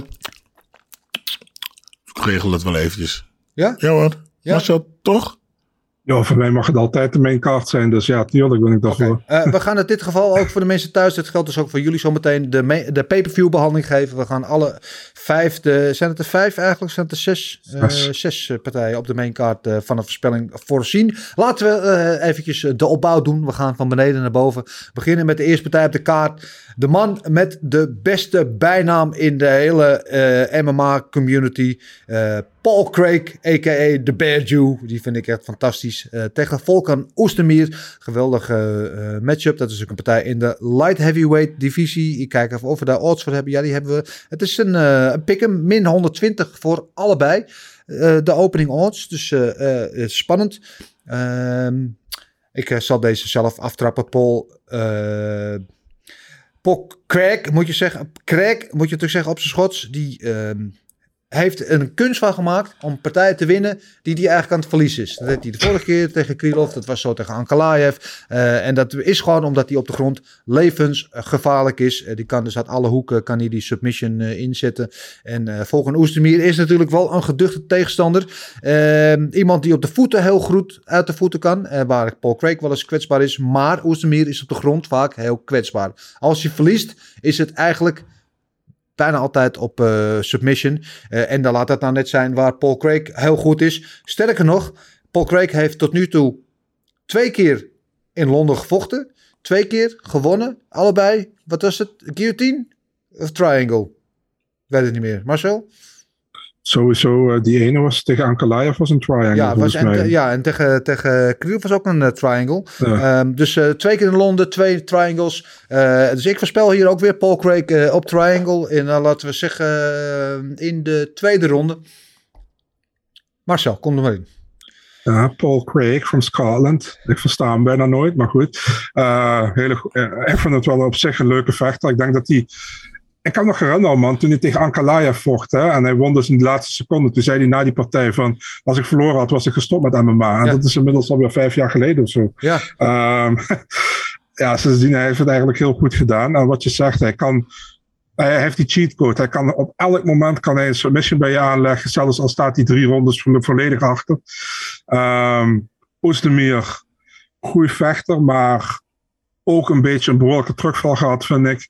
Eh, wel tegen behoorlijk goede tegenstanders verloren, denk ik. Ehm, ik denk weer dat het eigenlijk oude liedje gaat worden. Oezdemir slaat hem aan, partij gaat naar de grond. Craig gaat weer een submission pakken. Dus eh, Paul Craig, eerste ronde submission. eerste ronde submission eh, van eh, Big Marcel Dorf. Gilbert, jij mag de reis sluiten hier. Paul Greg, eerste ronde submission. Paul Craig, eerste ronde. Kijk, een man die eh, gewoon straight to the point, daar hou ik van. Geen eh, poespas, gewoon zeggen hoe het is. Oké, de tweede partij eh, van die avond die wij van de spelling, voorspelling gaan van doen... is natuurlijk eh, onze sweetheart, de, de publieksfavoriet... Meatball Molly McCann, die de vorige keer daar natuurlijk die geweldige elleboog, spinning elbow, knockout had tegen Luana Carolina. En nu tegen de Baft, ik denk de meest gespierde vrouw in de hele MMA, Hannah Goldie, gaat vechten. Even kijken of we daar odds voor hebben. Jawel, die hebben we. En eh, Molly is de favoriet, min 200 tegen de underdog Hannah Goldie, plus 170. En Marcel, wat denk jij dat er gaat gebeuren? Ik denk dat Molly McCann van bijna iedereen wint die niet in de top 15 staat. Dus, eh, en Hannah Goldie heeft mij nog niet overtuigd in de UFC. Verloor haar eerste twee, derde partij. Won ze dan de laatste keer van Emily Whitmire. Eh, toen hij ja, had dingen eigenlijk mee gered, de UFC-carrière. Ik denk dat deze partij, eh, niks ten nadele van Molly McCann, maar dit is eigenlijk een partij neergezet om Molly goed te laten uitzien, denk ik. En dat gaat ze ook doen. Ehm, ik denk niet dat ze finish pakt deze keer, maar ik denk wel dat ze een decision wint van Hannah Goldie. Dus Decision eh, van Molly McCann. Eh, Gilbert, wil jij al? Of zal Ja ik hoor, eerst? nee, ik heb hem al. Ja? Is, ik ga helemaal met Marcel mee. Molly op decision? Meer Molly op decision. Hartstikke idee. Eh, ja, ik denk ook eh, Molly, alhoewel Hannah Goldie, wat ik zeg, die is echt, eh, nou daar ben ik jaloers op, zo gespierd als die is. Daar, Ik ben net aan het kijken op Insta, damn. ja, ze is behoorlijk eh buffed, zeg maar. Ehm, dus Thai ook, durable, is goed. wel wat beter op de grond dan Molly. Molly, wat daarentegen goede takedown defense. Maar inderdaad, wat jij zegt, Molly gestu- vooruitgestuurd door dat thuispubliek. Het is natuurlijk zelf is het een vaatje buskruid die alle kanten opspringt. Dus ik denk dat zij gaat winnen. En ik denk ook dat zij een finish, ik denk dat het lastig wordt. Maar ik denk dat ze het in zich heeft om een finish te forceren tegen Hannah Goldie. Dus ik zeg gewoon Molly op KO in de derde ronde. Hartstikke idee. Eh, de volgende partij waar we aan toekomen is die, eh, deze vind ik interessant, eh, tegen Nikita Krylov. Daar hadden we het net al over. Die verloor de vorige keer ook in Londen van de al eerder genoemde Paul Craig. Eh, die gaat het doen tegen ja, Hall of Famer Alexander Gustafsson. En Alexander Gustafsson, dan ga ik automatisch weer terug naar die geweldige partij tegen John Jones. Natuurlijk 2013, het is alweer een mensenleven geleden. Maar eh, die partij is in de Hall of Fame ooit gekomen. Eh, een geweldige vechter. een van de pioniers van het Zweedse Scandinavische MMA. Laatste jaren klein beetje in verval geraakt. Op heavyweight ook gevochten. En ik weet niet of de Alexander Gustafsson, die nu wel weer op zijn eigen eh, gaat vechten, of dat nog de Alexander Gustafsson is van wel eer. Eh, maar goed, eh, Gilbert, wil jij deze eer verrichten om deze af te trappen? Ja, ik ga natuurlijk voor Alexander Gustafsson. Ja, jij kent hem of niet? Nee. Nee? Oh. Misschien, misschien, misschien. Ja. Ik heb hem, eh, dit- niet dat, misschien in zijn jongere jaar dat ik keertje daar was in Zweden. Dat ik Ja, hem, ja. eh, heb ontmoet, maar eh, nee, niet zo. Dat Oké. weet ik niet. Ehm, en ik ga voor een tweede ronde kou. Tweede ronde. Boeia. KO voor de Gus. Ik weet, Melvin heeft veel met hem eh, samengetraind. in Ah, Zweden, inderdaad. Dat is het. Marcel. Nikita Krylov gaat exact hetzelfde doen als wat hij met Johnny Walker deed. Drie rondes wrestlefucken. Eh decision voor Krylov. Ja, ja nou, ik wil heel graag ook Gustafsson zeggen. Eh, maar ik ben ook bang voor dat, eh, dat hij het niet gaat halen tegen Krylov. En het doet me pijn aan mijn hart. Want Gustafsson is een vechter die mij veel meer tot de verbeelding spreekt dan, dan Gustafsson. Maar ik eh, ben eh, bang dat ik op jouw lijn ga zetten, Ma- Marcel. Omdat ik ook eh, voor Krylov op decision ga. Prima, is heel En, goed. eh, dat het, ja, dat Gustafsson nog wel in de herfst van zijn carrière, wat is hij 35 inmiddels, maar de laatste jaren niet meer het niveau gehaald wat we van hem kennen. Ehm, dan komen we aan bij de grootste vriend van Marcel in, het hele leven. eh, Paddy Pimblett, Paddy de Baddy eh, tegen Jordan Levitt. En dit zijn de twee mannen, denk ik, met de meest ongebruikelijke rare dansjes die we ooit in ons hele leven, ook niet eens in het MMA, maar overal hebben gezien. Eh, Paddy is wel ook, nou, behoorlijk de favoriet. Min 400 staat hij bij de opening odds tegen plus 330 voor Jordan Levitt. Eh, en ik vind het een hele interessante matchup. Waarom? Omdat ze allebei voornamelijk bekend staan om hun eh, grondwerk, namelijk het BJJ. Dus Eh, dat wordt de bokspartij. en dit is denk ik voor Paddy best wel een hele lastige matchup. Marcel, wil je deze aftrappen? Ja, ehm, het ding is, ze zijn allebei in principe grondvechters. En het- ik denk dat Jordan Levitt alleen maar kan winnen van Paddy als hij beter is dan hem op de grond. En ik weet niet of hij beter is dan hem op de grond. Nee. En ik denk, het begint altijd staand uiteraard. En ik denk dat sta, ik vind Levitt staand echt gewoon Kan niks staan. niet, niet goed. Nee. En dat weet de UFC ook donders goed, dat hij dat niet is. Dus ehm Paddy heeft in de eerste twee partijen is hij twee keer gestaggerd geweest tegen zowel Van Dramini als tegen eh Kazula Vargas. Het gaat hier niet gebeuren. Dat Levitt, Levitt heeft volgens mij een KO op zijn naam, dat is die slam tegen Matt Wyman Ja. geweest. Ehm, luister, Paddy is staan beter daar zelfs dan hem. Eh, grond weet ik niet, vind ik moeilijk. Ik denk dat het eh, ongeveer gelijkwaardig is. Maar ik denk dat Paddy hem nog uitslaat in de eerste ronde. Ik denk dat de UFC dat ook hoopt. Dus eh, dat ze daarom ook die match op neer hebben gezet. Het, of het wordt een grondgevecht en het wordt 50-50 of Paddy slaat hem nog uit in de eerste ronde. En Ja. ik denk met het publiek erachter ga ik voor dat laatste. Ja, Dus- en ik, ik, ik zit heel erg op jouw lijn. Eh, Je, hebt al heel veel punten van mijn eh, voeten weggemaaid. eh, wat eh, Paddy en eh, Levitt betreft. Koos op de grond, dan weet ik het nog zo niet. Vooral Paddy is op zijn rug niet fantastisch. Eh, op, de, eh, op top heeft hij natuurlijk fantastische jiu-jitsu als hij, als hij druk kan zetten. Eh, staan denk ik inderdaad dat hij eh, beter is. Eh, ik denk inderdaad dat hij hem eh, misschien eh knock-out slaat of aanslaat en dan met ground and pound misschien wel afmaakt. Gewoon, dus ik, ik zeg ook Paddy op KO. Laat ik tweede ronde zeggen gewoon. Dennis, Ja, weet je wat dit heel veel op lijkt, deze partij? Dat lijkt heel veel op Sean O'Malley tegen Jose Quinones destijds. Jose Quinones was ook iets van 3 of 4-1 in de UFC. ja. En dat was eigenlijk de, hoe zeg je dat? De, de slechtste bantamweight met de beste record was Ja. dat. Ja, en het heeft Levitt ook een beetje. Weet je, hij heeft ook een beetje dat van. Ik ben niet overtuigd van hem, maar hij heeft wel een heel goed record UFC. Hij heeft alleen van Puelas heeft hij verloren. En eh, datzelfde gevoel heb ik hier een beetje. Dus eh, ja, vandaag, ik Ja. ga voor Paddy. ja. Ja, ja, ja ik eh, ben. eh, eh, ik sowieso wordt het denk ik eh, interessanter wie de dance-off eh, wint achteraf. Maar eh, Gilbert, jij mocht deze nog voorspellen. Ehm, Paddy Pimblett, Pimblett wint op decision. Paddy Pimblett op de sessie. Yes. Oké, interessant, interessant, interessant. Eh, dan komen we bij eh, de co-main event. En daar eh, zou aanvankelijk zou dat ook onze favoriete scouser Darren Till staan. Maar die is geblesseerd. Die wordt vervangen door Chris Curtis. En die gaat het opnemen tegen wel de oorspronkelijke tegenstander van Till, Jack Hermansson.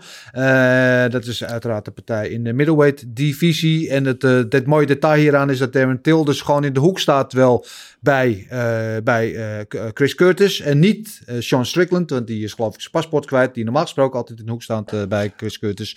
Eh odds zijn de, de favoriet, zelfs Chris Curtis. Dat vind ik wel opvallend. Hoe lang, eh, Min 140. hoe lang, in de voor, hoe, hoe lang is het invalpartij? Ja, ik geloof twee weken of zo. Het is echt eh, vrij kort. En eh, plus 110 eh, Jack Hermansson is de underdog. Eh, en dat vind ik wel opvallend. Eh, maar niet helemaal onterecht. Eh, ehm, Jack Hermansson is natuurlijk wel hoger aangeslagen. Hij heeft natuurlijk meer eh, credentials in deze middleweight divisie. Maar Chris Curtis hebben we van gezien. Die, heeft, natuurlijk nu 3-0 in de UFC. Is ongelooflijk gedreven. En eh, sowieso staand beter dan Jack Hermansson. Jack Hermansson op de grond be- beter worstelen, beter jiu-jitsu. Maar we hebben Chris Curtis net gezien tegen Rodolfo Vieira. Wat natuurlijk gewoon een, eh, weet ik veel hoe, hoe hoog aangeschreven black belt is. En daar wist hij weg te blijven bij de takedowns. En daar blij- wist hij het gewoon op de voeten te houden. En daar heeft hij het voordeel. En ik denk dat hij dat tegen Hermansson ook gaat hebben. Eh, ik denk zelfs dat hij Hermansson gaat finishen. Dus ik zeg hier Chris Curtis eh, op KO slash TKO in de tweede ronde. Ja, Tada, dan zeg ik hetzelfde, maar dan in de eerste ronde. Hartstikke idee. Eh, Curtis KO 2, zegt Dennis. Curtis KO. Eerste ronde, zeg jij? Wat zei je? Nee, anders, andersom toch? Ik zei tweede ronde. Oh, dan zeg ik eerste ronde. Ja. Ja. ja. Ja, Marcel. Ja man, Ehm, ik denk ook dat Curtis gaat winnen. Puur en alleen omdat ik denk dat die takedowns van Hermanson gaat stoppen. Eh, ik denk wel dat hij het moeilijker krijgt dan tegen eh, Rodolfo Vieira. Omdat Vieira was echt op een gegeven moment weer gassed, zoals hij meestal is. En uh, Hermanson gebeurt het niet zo snel. Die heeft vaker vijf rondes gevochten. Ja. En dat is maar een drie ronden. Uh, ik denk een decision win voor Curtis. Ik denk dat hij het staand houdt en dat hij daar beter is. Ja, oké. Okay. dat denk ik ook. Dat denk ik ook. En ik Hermanson wel beter is dan Vieira ook. Dat hij beter de dingen aan elkaar uh, koppelt. Dus Balous altijd zegt van de eerste naar de tweede naar de derde fase gaat. Hermanson daar beter is dan uh, Vieira. Maar Curtis op de voeten sowieso beter is. Goed, dan komen we bij het pièce de la résistance, uh, zoals Sander Schrik zou zeggen. De main event in de heavyweight divisie tussen de local favorite Tom Aspinall en uh, Curtis Blades. En dat is een partij in de heavyweight, zoals ik al zei. En uh, niet geheel... Wel, ik zei hier andersom. Ik dacht dat Aspinall hier de favoriet was. Maar Curtis Blades is favoriet. Min 125 tegen plus 100 uh, voor Tom Aspinall. Zit daar uh, vrij dicht bij elkaar. En uh, kunnen toch wel zeggen dat uh, Aspinall overduidelijk het thuisvoordeel gaat hebben. alhoewel zijn, zijn zwaarste test tot nu toe, Curtis Blade. Die natuurlijk als geen ander iemand naar de grond kan brengen. En met top control en ground and pound. Ik geloof dat hij de, het record voor meeste elleboog KO's in de UFC op zijn naam heeft. Dus het is wel duidelijk waar zijn kracht ligt. En van Tom Aspinall weten we gewoon nog niet hoe hij het gaat doen tegen iemand die zo goed is met worstelen als Curtis Blades. Aan de andere kant, Tom Espinol, heeft hij ons elke keer verrast. Uh, elke keer heeft hij de volgende horde eigenlijk met twee vingers in zijn neus genomen. Vorige keer tegen Volkov leek het wel een heel ander spel. Volkov was kansloos van de eerste tot de laatste seconde. En uh, het mooie is met Tom Espinol, hij is natuurlijk overal goed. Hij goed boksen, hij is lichtvoetig voor het zwaargewicht helemaal. Beweegt als een welterweight. Kan op de grond uh, uit alle hoeken submissions vandaan toveren. Ook op zijn rug is hij levensgevaarlijk. Ehm, En met die 20.000 enthousiaste, laat ik het zo noemen, Engelsen op de achtergrond. Waardoor die misschien nog even 10 of 15% extra kan geven. Denk ik dat uh, Tom Espinol het gewoon gaat flikken, man. Hier. Ik uh, denk dat Tom Espinol het gaat doen. Uh, en dan gaat hem finishen ook. Ik weet niet of hij het al vroeg. Ja, fuck it. Ik zeg gewoon tweede ronde, man. Tweede ronde, Espinol op KO. Ik ga eens gek doen. Gilbert. Ja, ik, zit, ik, zit, ik bedenk nu dat het vijf rondes uh, ja. gaat zijn. Ja. Ik wou eerst de uh, eerste ronde zeggen. Maar ik denk dat uh, ik ga voor de derde ronde. Derde ronde stoppage. Derde ronde stoppage. En wat voor stoppage? Ja, ja, ja. Leuk. Oh, Mooi, ik denk man. dat hij mijn kou slaat. Sla KO. Ja, ja. KO derde ronde. Oh, uh, nice try. Gilbert. Ja, en wel misschien dat we het eventjes uh, erbij moeten vermelden. Tom Espinal is in zijn carrière nog nooit voorbij de derde ronde geweest. Want ook de partij die hij verloren heeft, dat zijn niet geloof twee, uh, is hij voor de, voor de derde ronde gefinished. En al zijn eigen finishes waren ook voor de derde ronde. Het is altijd maar eerst tweede ronde. Hmm. en de vraag is natuurlijk wel in een vijf ronde gevecht, als hij wel onder die Curtis Blade terechtkomt en het gaat naar een vierde ronde bijvoorbeeld, hoe hij er dan mee Hmm. omgaat. Maar hij is altijd in uitmuntende fysieke conditie. Dus ik eh, ben ervan overtuigd dat hij het ook dan nog zo goed zou kunnen. Marcel, wat denk jij dat deze partij gaat opleveren voor Blades of Espinol? Ja, joh, ik vond het een speciale matchmaking van de UFC. Ik had, ik had Blades niet tegen Aspinall in, in Londen gezet, als ik heel eerlijk ben. Um, te veel risico, denk ik. Um, voor Blades? Nee, voor Aspinall. Oké. Okay. Um, ik denk dat Aspinall uh, heeft het tot nu toe heel erg goed gedaan in de UFC. Ik uh, denk ook dat hij bij de, bij de sowieso bij de top, wat mij betreft, een vaste top 10 klant zal zijn. Maar ik moet het nog zien tegen joh. Um, als hem naar de grond trekt, wat er gaat gebeuren. En ik verwacht wel dat hij dat ook gaat doen. Um, voor, kijk, voor de, voor de partij zou het leuker zijn als wij Aspinall, uh, hoe noem je dat? Als het Aspinall zijn gameplan uitkomt. Ik denk dat Blades het gewoon Blades achterhoudt en hem naar de grond gaat trekken continu. En uh, ik denk dat Blades een decision wint. Dat verwacht ik. Oké. Altijd, dit was toen, hè, die Marcel. Sowieso jammer. Blades of Decision eh, is jouw eh, keuze. Eh, ik ben in ieder geval heel benieuwd. te weten ook, Tom Espenol heeft natuurlijk weer een paar tripjes naar Nederland gemaakt. Naar de Super Pro Gym. Waar hij onder leiding van Dennis Krawel heeft getraind. Gespart met Benny Adekboei en Rico Verhoeven.